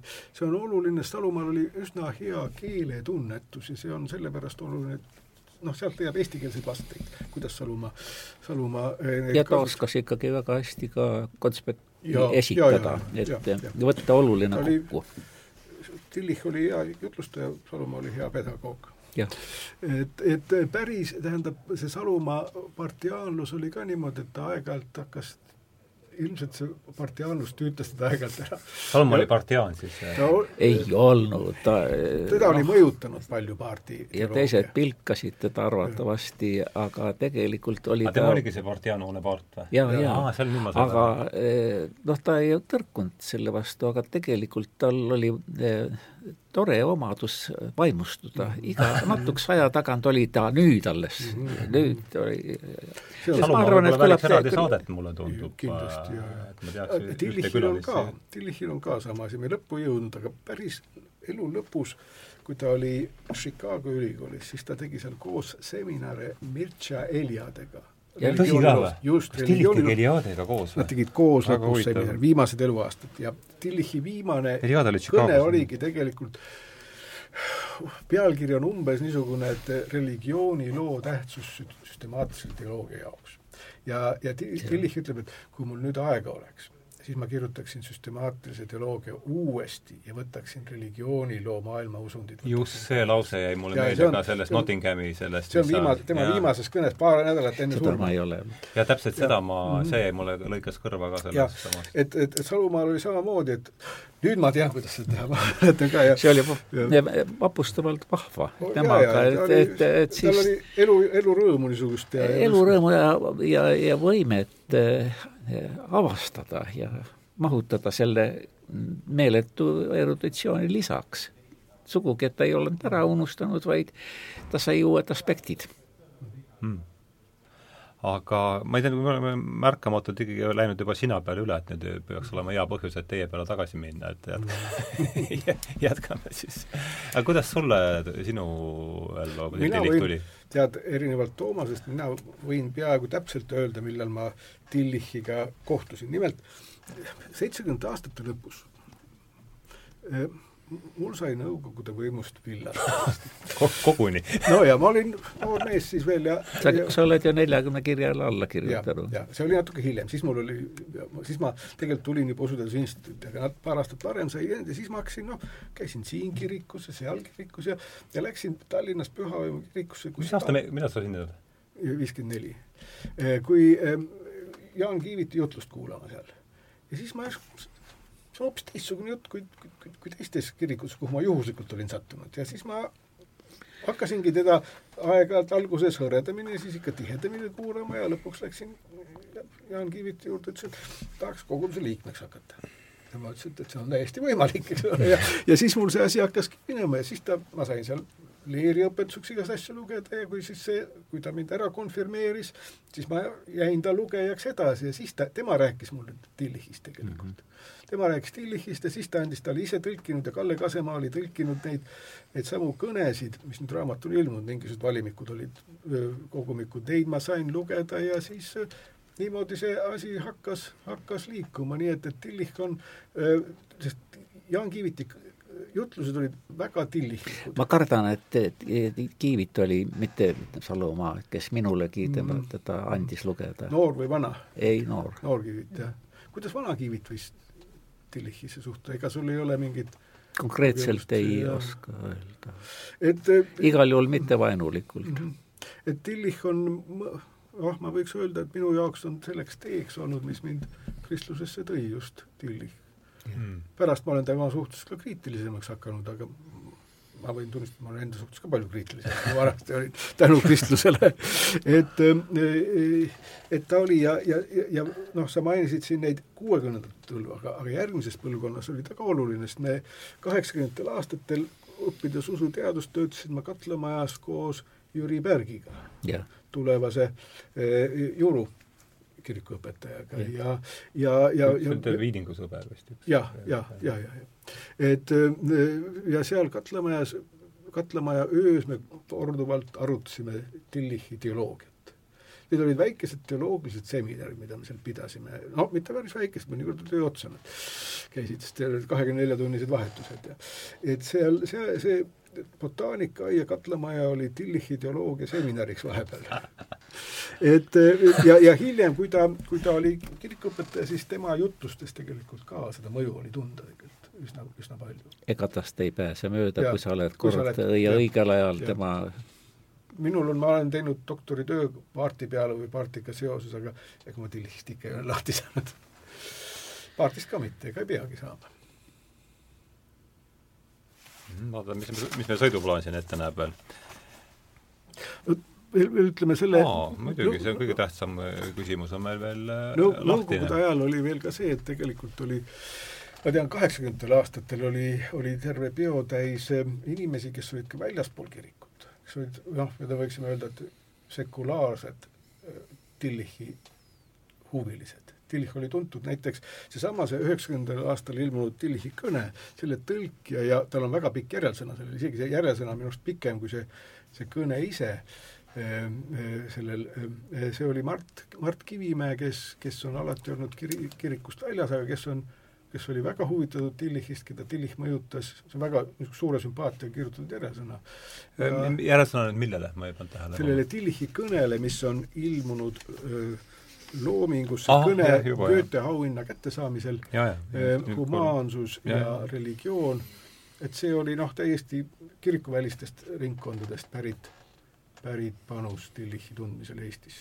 mis on Tillichi puhul ka loomulik, sest äh, need kõned, nii nagu Schleiermacheril, olid äh, haritud äh, kirikust väljas seisvatele inimestele niimoodi, ta mõjutas meid siis, kui meie alles hakkasime, no mina ei tule väljapool kirikut, olles kirikuõpetaja poeg, aga ikkagi see teoloogia äh, kujunemise aeg, see noh, pikapeale tulevad asjad meelde, vaevalt, et me nüüd seminari pidasime, aga ma olin tihtipeale Jaan Kiivit juuniori pool ööd kui ma Tallinnasse tulin.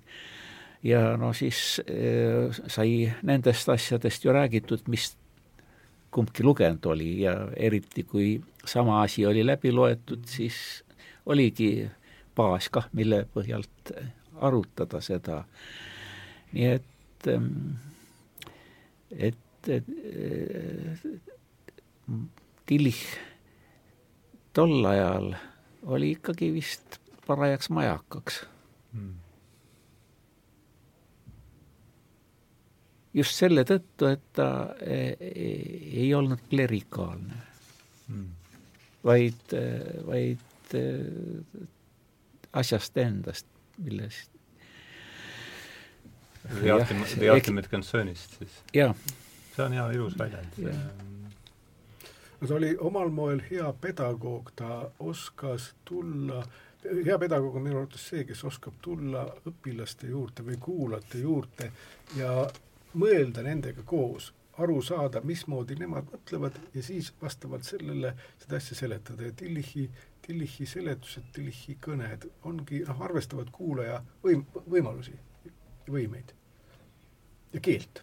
keel on ka väga oluline, sest noh, väga kirikul on see oht, et rääkida nõndanimetatud kaanoni keeles, nagu Salumaa ütles keeles, mida teised tavainimene ei, ei saa aru tegelikult. noh, selle samas keeles, mida viljelevad meie ministeeriumid ja kõik muud need klaasist majad, kellest peale ei saa ka kirjutajad ise aru tihtipeale, ma arvan, et see on see mhm. kontorikeel, eks ole, mis igal, igal kontoril on seda oma seda nimetatakse vist professionaalseks kretinismiks ka mõnikord, pahatahtlikult. mul on nii, aga kõige tähtsam küsimus, meil on siin, ütleme, katsume nüüd mingi veerand tunniga koomale tõmmata, aga see kõige tähtsam küsimus on, et kas Tillichil võiks olla mingi roll tänapäeval ja tänapäeval Eestis. ja kumb teist tahab otsa lahti teha siin? minul on selle tänapäeva Eestiga kontakt üsna eh, nõrgaks jäänud. no aga praegu ta ei on ole, ometigi olemas. ei ole kuskil õppejõud ega eh, niimoodi inimeste hulgas käibas äh, ja eh, üks asi, mis eh, nähtavasti siiski ka puudutab seda, et meie oleme vaimustusega rääkinud temast, aga kas see, eh, kui ei ole seda aluste kõikumist olnud enne või et see on muidugi ka kahtlemata, on tänapäeval neid inimesi, kes kes otsivad seda, mida, mis võiks kanda, aga, aga ikkagi tema retseptsiooni eelduseks tõenäoliselt on, et ta püüab vastata nendele, see, see keelejutt on just terminoloogia suhtes, et ta kasutab neid sõnu, mis tolle ajal ja, ja noh, ta no see piingite tõlkimine oli eesti keelte ju kellel tahes Kasemaal või Salumaal ju vaevaline, sest meil ei ole ju eesti keeles sellel olemisel sellist tähendust, et seal mm -hmm. üks asi, eh, kui, kui ta selles äh, piiril oma eluloo kirjelduses kõike kirjeldab, siis see, et saksa keelelt inglise keelele üle läheb, seda ta ei nimeta piiriks ja õigusega.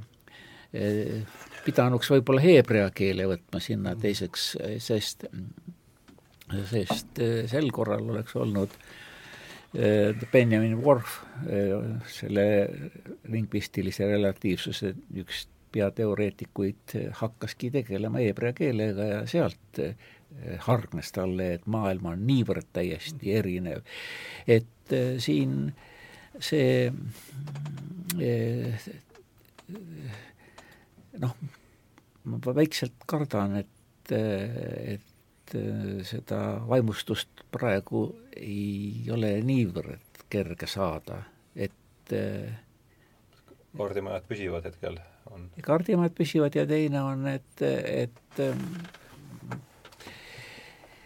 et see on minu tunne, aga et see sõnastus, milles praegu räägitakse, see new age'lik, on natukene teistsugune ja et mm. selleks peaks uus still tulema ja ütlema. no võib, võib-olla, et ma eksin. ei, ma olen ma, ma näeksin Tillichi asja juures kahte erinevat külge. väga huvitav, jah. et üks on see, et see, see tema meetod, see korrelatsioonimeetod, küsimused yeah., vastused, küsimused, vastused. ja teine, teine oluline asi on eksistentsialismi kasutamine. see eksist-, minu meelest see eksistentsialistliku filosoofia kasutamine, see on mm -hmm. ajaga seotud, see oli tema ajastul just seda ma mõtlesin. ja, ja seda, seda tõepoolest noh, see võib üksikutele huvilistele pakkuda huvi, aga, aga üldiselt mitte. et seda, see on jäänud ajalukku, see on teoloogia ajalugu, filosoofia ajalugu. Aga see meetod iseenesest lihtsalt, eh, see on minu meelest rakendatav selles mm -hmm. mõttes, et me peame väga hoolega kuulama, mis need uued, uued küsimused on ja seesama, millele sa viitasid, see New Age, eks ole, ja mm -hmm. ma mhm. mõtlesin, siia tulles mõtlesin näiteks seesama, ütleme, millele viitas Mangi fenomen. mitte see, mis Mang ise tegi, vaid see, et ta oli palgaline astroloog. Et ja, ja ta ei olnud mitte palgaline astroloog sellepärast mitte, et, et, et ajakirjanikele ta oleks meeldinud, vaid sellepärast, et teda loeti, tähendab, inimestel on kohutav vajadus mingi asja järele, mida astroloogia pakub, mingisuguste mingisuguse kindluse järele, kindlustunde järele. Ja, ja, ja sealtkandist me võiksime otsida, otsida neid küsimusi, mis inimestele, mis, mis probleemi, millised on nende eksistentsiaalsed küsimused ja sealt siis vaadata edasi, edasi peaks kirik vastama nendele küsimustele, mis tekivadki just sellest noh, olukorra analüüsist, kus me oleme. ma kardan, et ei ole praegu kedagi, kes väga jõuliselt seda olukorra analüüsi teeb, nii nagu Tillich seda tegi omal ajal eksistentsialistliku filosoofia tasemel. aga selles mõttes me saaksime Tillichilt õppida. ma tahaks su käest küsida, sa oled eh, ka teoloog ja eh, tänases seisus palju rohkem kodus, et ähm, oli noh, Niibur Ameerikas või noh, nendest eurooplastest rääkimata, et kui eh, siin meie väiksel Eestimaal meil olid ka omad kurud ja, ja Salumaa või siis Maasing, või eh, oli ka Sael omad jüngrid. Mm, -hmm. Siis eh, meie jaoks oli, oli kellel Paart, kellel Tillich, seal oli kindlasti palju teisigi, kes meile väga tugevasti mõju avaldasid, et kui nüüd rääkida sellest, et Tillich kõneles oma ajale, kahe sõja, maailmasõja vahelisele või siis nende teise maailmasõja järgsele täpselt silmaauku tabades. et eh, noh, see oleks liiga palju tahta, et keegi siin väiksel Eestimaal tärkaks niisugune prohvet, kes seda suudab teha, et küll oleks hea, kui üles leiaks selle suurest ilmast ja saaks teda siia tundub, et ilmas on, laias ilmas on siiski asjad liikvele läinud, et, et ehk on keegi, keegi niisugune tulevad siia niimoodi, tilguvad, tilguvad vaikselt eh, meile ka maale. aga niisugune, kes eh, samasugusel kombel, nagu need kaks juhtkuju, Schleiermacher ja Tillich just oleksid võimelised äh, täpselt närvi tabama omal ajal. Noh, siin on see, mis mind pani, mind pani mõtlema, et asjad on ikkagi, midagi olulist on nüüd käima läinud, ma võin eksida, aga ma vist ei eksi, oli see, Dublini selles spordihallis vist äh, vaatas Jordan Petersoni ja Sam Harrise debatti sisuliselt tõesti jumalas kuusteist tuhat inimest, kaks tundi. et see on midagi, ma arvan, on siin sellega ikkagi läinud äh, noh, siin on mingid asjad on ilmselt läinud nagu liik-, liikvele. mina, mina näeks seda asja niimoodi, et, et vot tänapäeval võrreldes Tillichi ajaga, võrreldes sellega, mis oli seitsekümmend, kaheksakümmend aastat tagasi, maailm on äh, fragmenteerunud palju rohkem. meil on kõigil igalühel võimalik äh, internetimaailmas minna omaenda väiksesse interneti elektroonilisse maailma, kus teis-, on teised liikmed olemas Austraalias, Tšiilis võivad olla, Ameerika Ühendriigis keegi, tähendab, et, et geograafilised piirid on ära nihkunud, on tekkinud teised, teised, teised eh, grupid, teised, teised arusaamad ja ma arvan, et niisuguseid massiliikumisi on tegelikult meie siin, noh, Eestis ei paista seda välja. Mõelge Korea peale, Korea hiiglakirikud, mis on olemas, kus noh, kuusteist tuhat on väike kogudus, sellise pärast tõsine mees ei hakka üldse kõnet pidamagi, seal viiskümmend tuhat sul peab olema kohal, eks ole. ja, ja, ja televiisoris veel pool miljonit vaatab, eks ole, need on need, need nelipühi liikumised ja, ja, ja teised sellised liikumised, mis on, ja see nelipühi asi on, on tunginud ka katoliku maailma, ütleme noh, näiteks eh, ma tean seda, see eh, mõnedes katoliku piirkondades on juba raske vahet teha, kus on nelipühi kirik ja kus on Rooma katoliku kirik, sest Rooma katoliku kirik Läheb, peab, peab võtma samad meetodid, samad läheb, asjad, eks ole. kir-, kirgliku, kirglikumaks läheb just, just, just, ta peab, peab, peab muutma ennast, et et see, sellised liikumised on, on, on toimunud või Aafrikas näiteks, Aafrikas mm. on need et need pärismaised kirikud, mis on tekkinud noh, meie kirik või ütleme isegi Euroopa luterlikud kirikud on könnid võrreldes selle kõrval, mis Lõuna-Aafrikas või, või ütleme Aafrika, troopilises Aafrikas, Põhja-Aafrikas mitte, seal on islam. aga troopilises Aafrikas on mitmetesse miljonitesse ulatuvad suured kirikud, millel on mitu ülikooli mitte mingisugune pisikene usuteaduse instituut neil ei ole olemas, neil on suured ülikoolid, kus on meditsiiniteaduskond, kus on oma televisioonikanalid, neil on olemas, need on noh, siin ma vahepeal kuskil kümmekond aastat tagasi vahepeal tegelesin selle asjaga ja, ja, ja Sirpi vist ka midagi kirjutasin sellest, nendest uutest globaalsete kristluse liikumistest, et noh, me oleme, me oleme nii, nii äärealadel siin yeah. selles osas, et ja, ja teisest küljest noh, ma kardan, et, et see, mida seal pakutakse, keskmisele eestlasele no seda ma tahtsingi jõuda, et et need megakirikud mm -hmm. mingil kombel võivad ka veel Ameerikas olla, kuigi ja. mitte nii vägevad kui Lõuna-Koreas mm, -hmm. aga eh, ja Ladina-Ameerikas on ja. ju see kah üsna ja. tugevasti ja, toimib, aga eh, kas niisuguseid käilakujusid teoloogia niisuguses traditsioonilises mõttes, kes Eh, suudaksid eh, seda oma, meie ajastu ka fragmenteeritud inimese närvi tabada, sest Peterson ei ole ju teoloog, nii et ole, ta on, eh, see, see on ka Aga üks märk sellest sellesama, me rääkisime sellest keelest, et selle süvapsühholoogia on selle keele sisuliselt. Selles mõttes, et ta, ta, ta et ta ongi küsimus, et kas sellele enam kirik üldse suudab vastata või, või ka kaldub see institutsionaalse kiriku asemel hakkavad tegema niisugused kurud.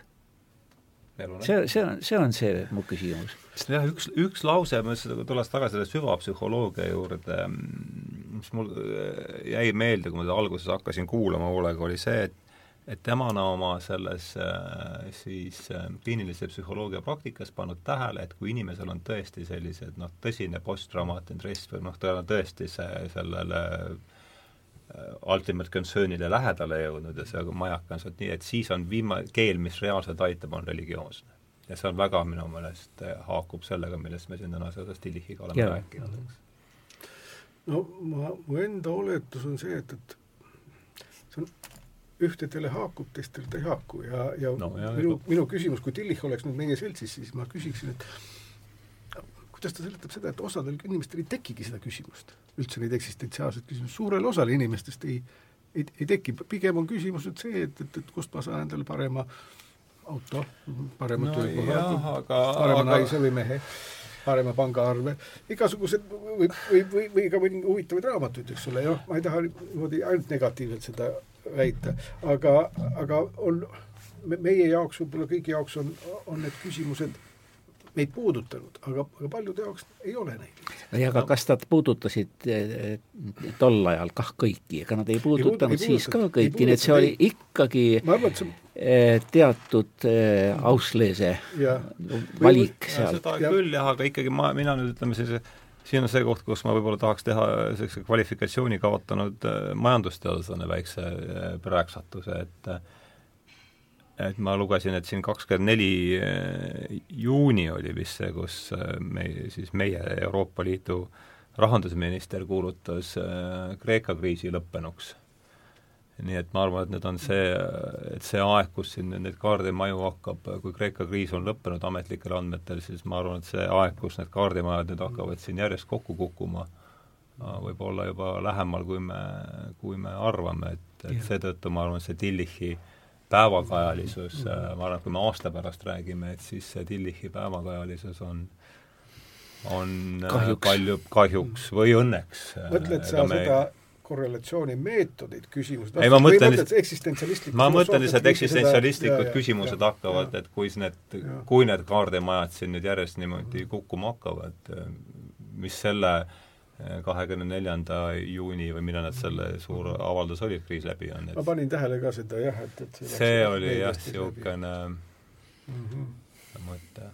aga ma ei tea, et äh, kõik see, me saime õi- õige mitu mõtet, kuidas kuidas edasi minna, et, et võib-olla tõmbamegi siin siis selle koha peal järsku joone alla ja ma tahaks, ma kunagi selles kassinurinates, seal ma Tillichi mulle vist sinna isikuregistrisse ei juht-, ei, ei sattunud, aga ma olen neid siis niimoodi, neid lugusid siin saatnud sõpradele veel, pannud paar pilti juurde ja ja ma alustasin Tillichi tsitaadiga ja võib-olla lõpetan ka Tillichi tsitaadiga, see siis annab võib-olla väikse ettekujutuse tema stiilist ja, ja noh, kui nüüd tõesti peaks juhtuma, et Kreeka kriis ongi läbi, et siis võib-olla et sõnad tasuvad äh, meeles pidada siin äh, äh, tulevikus. et see lause siis või ma loodan seda loodan enam-vähem soravalt ette lugeda. ning kui need sõnad teile enam, ning kui need sõnad teile enam palju ei tähenda, siis teisendage nad ja kõnelge, kõnelge ajaloo sügavusest, meie sotsiaalse elu alustest ja sihist. kõigest, mida te ilma mingite põiklemise, põiklemisteta võtate tõsiselt oma poliitilises ja moraalseis on, vabandust, läks see äh, äh, oma poliitilises ja moraalses tegutsemises. võib-olla peaksite seda sügavust nimetama lootuseks, lihtsalt lootuseks.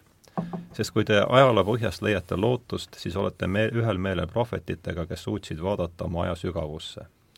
Nende kaasaegsed seda ei saanud, nad ei suutnud taluda seda, mida prohvetid sügavuses nägid prohvetil oli aga jõudu vaadata veelgi sügavamasse kihti ning leida selles lootust.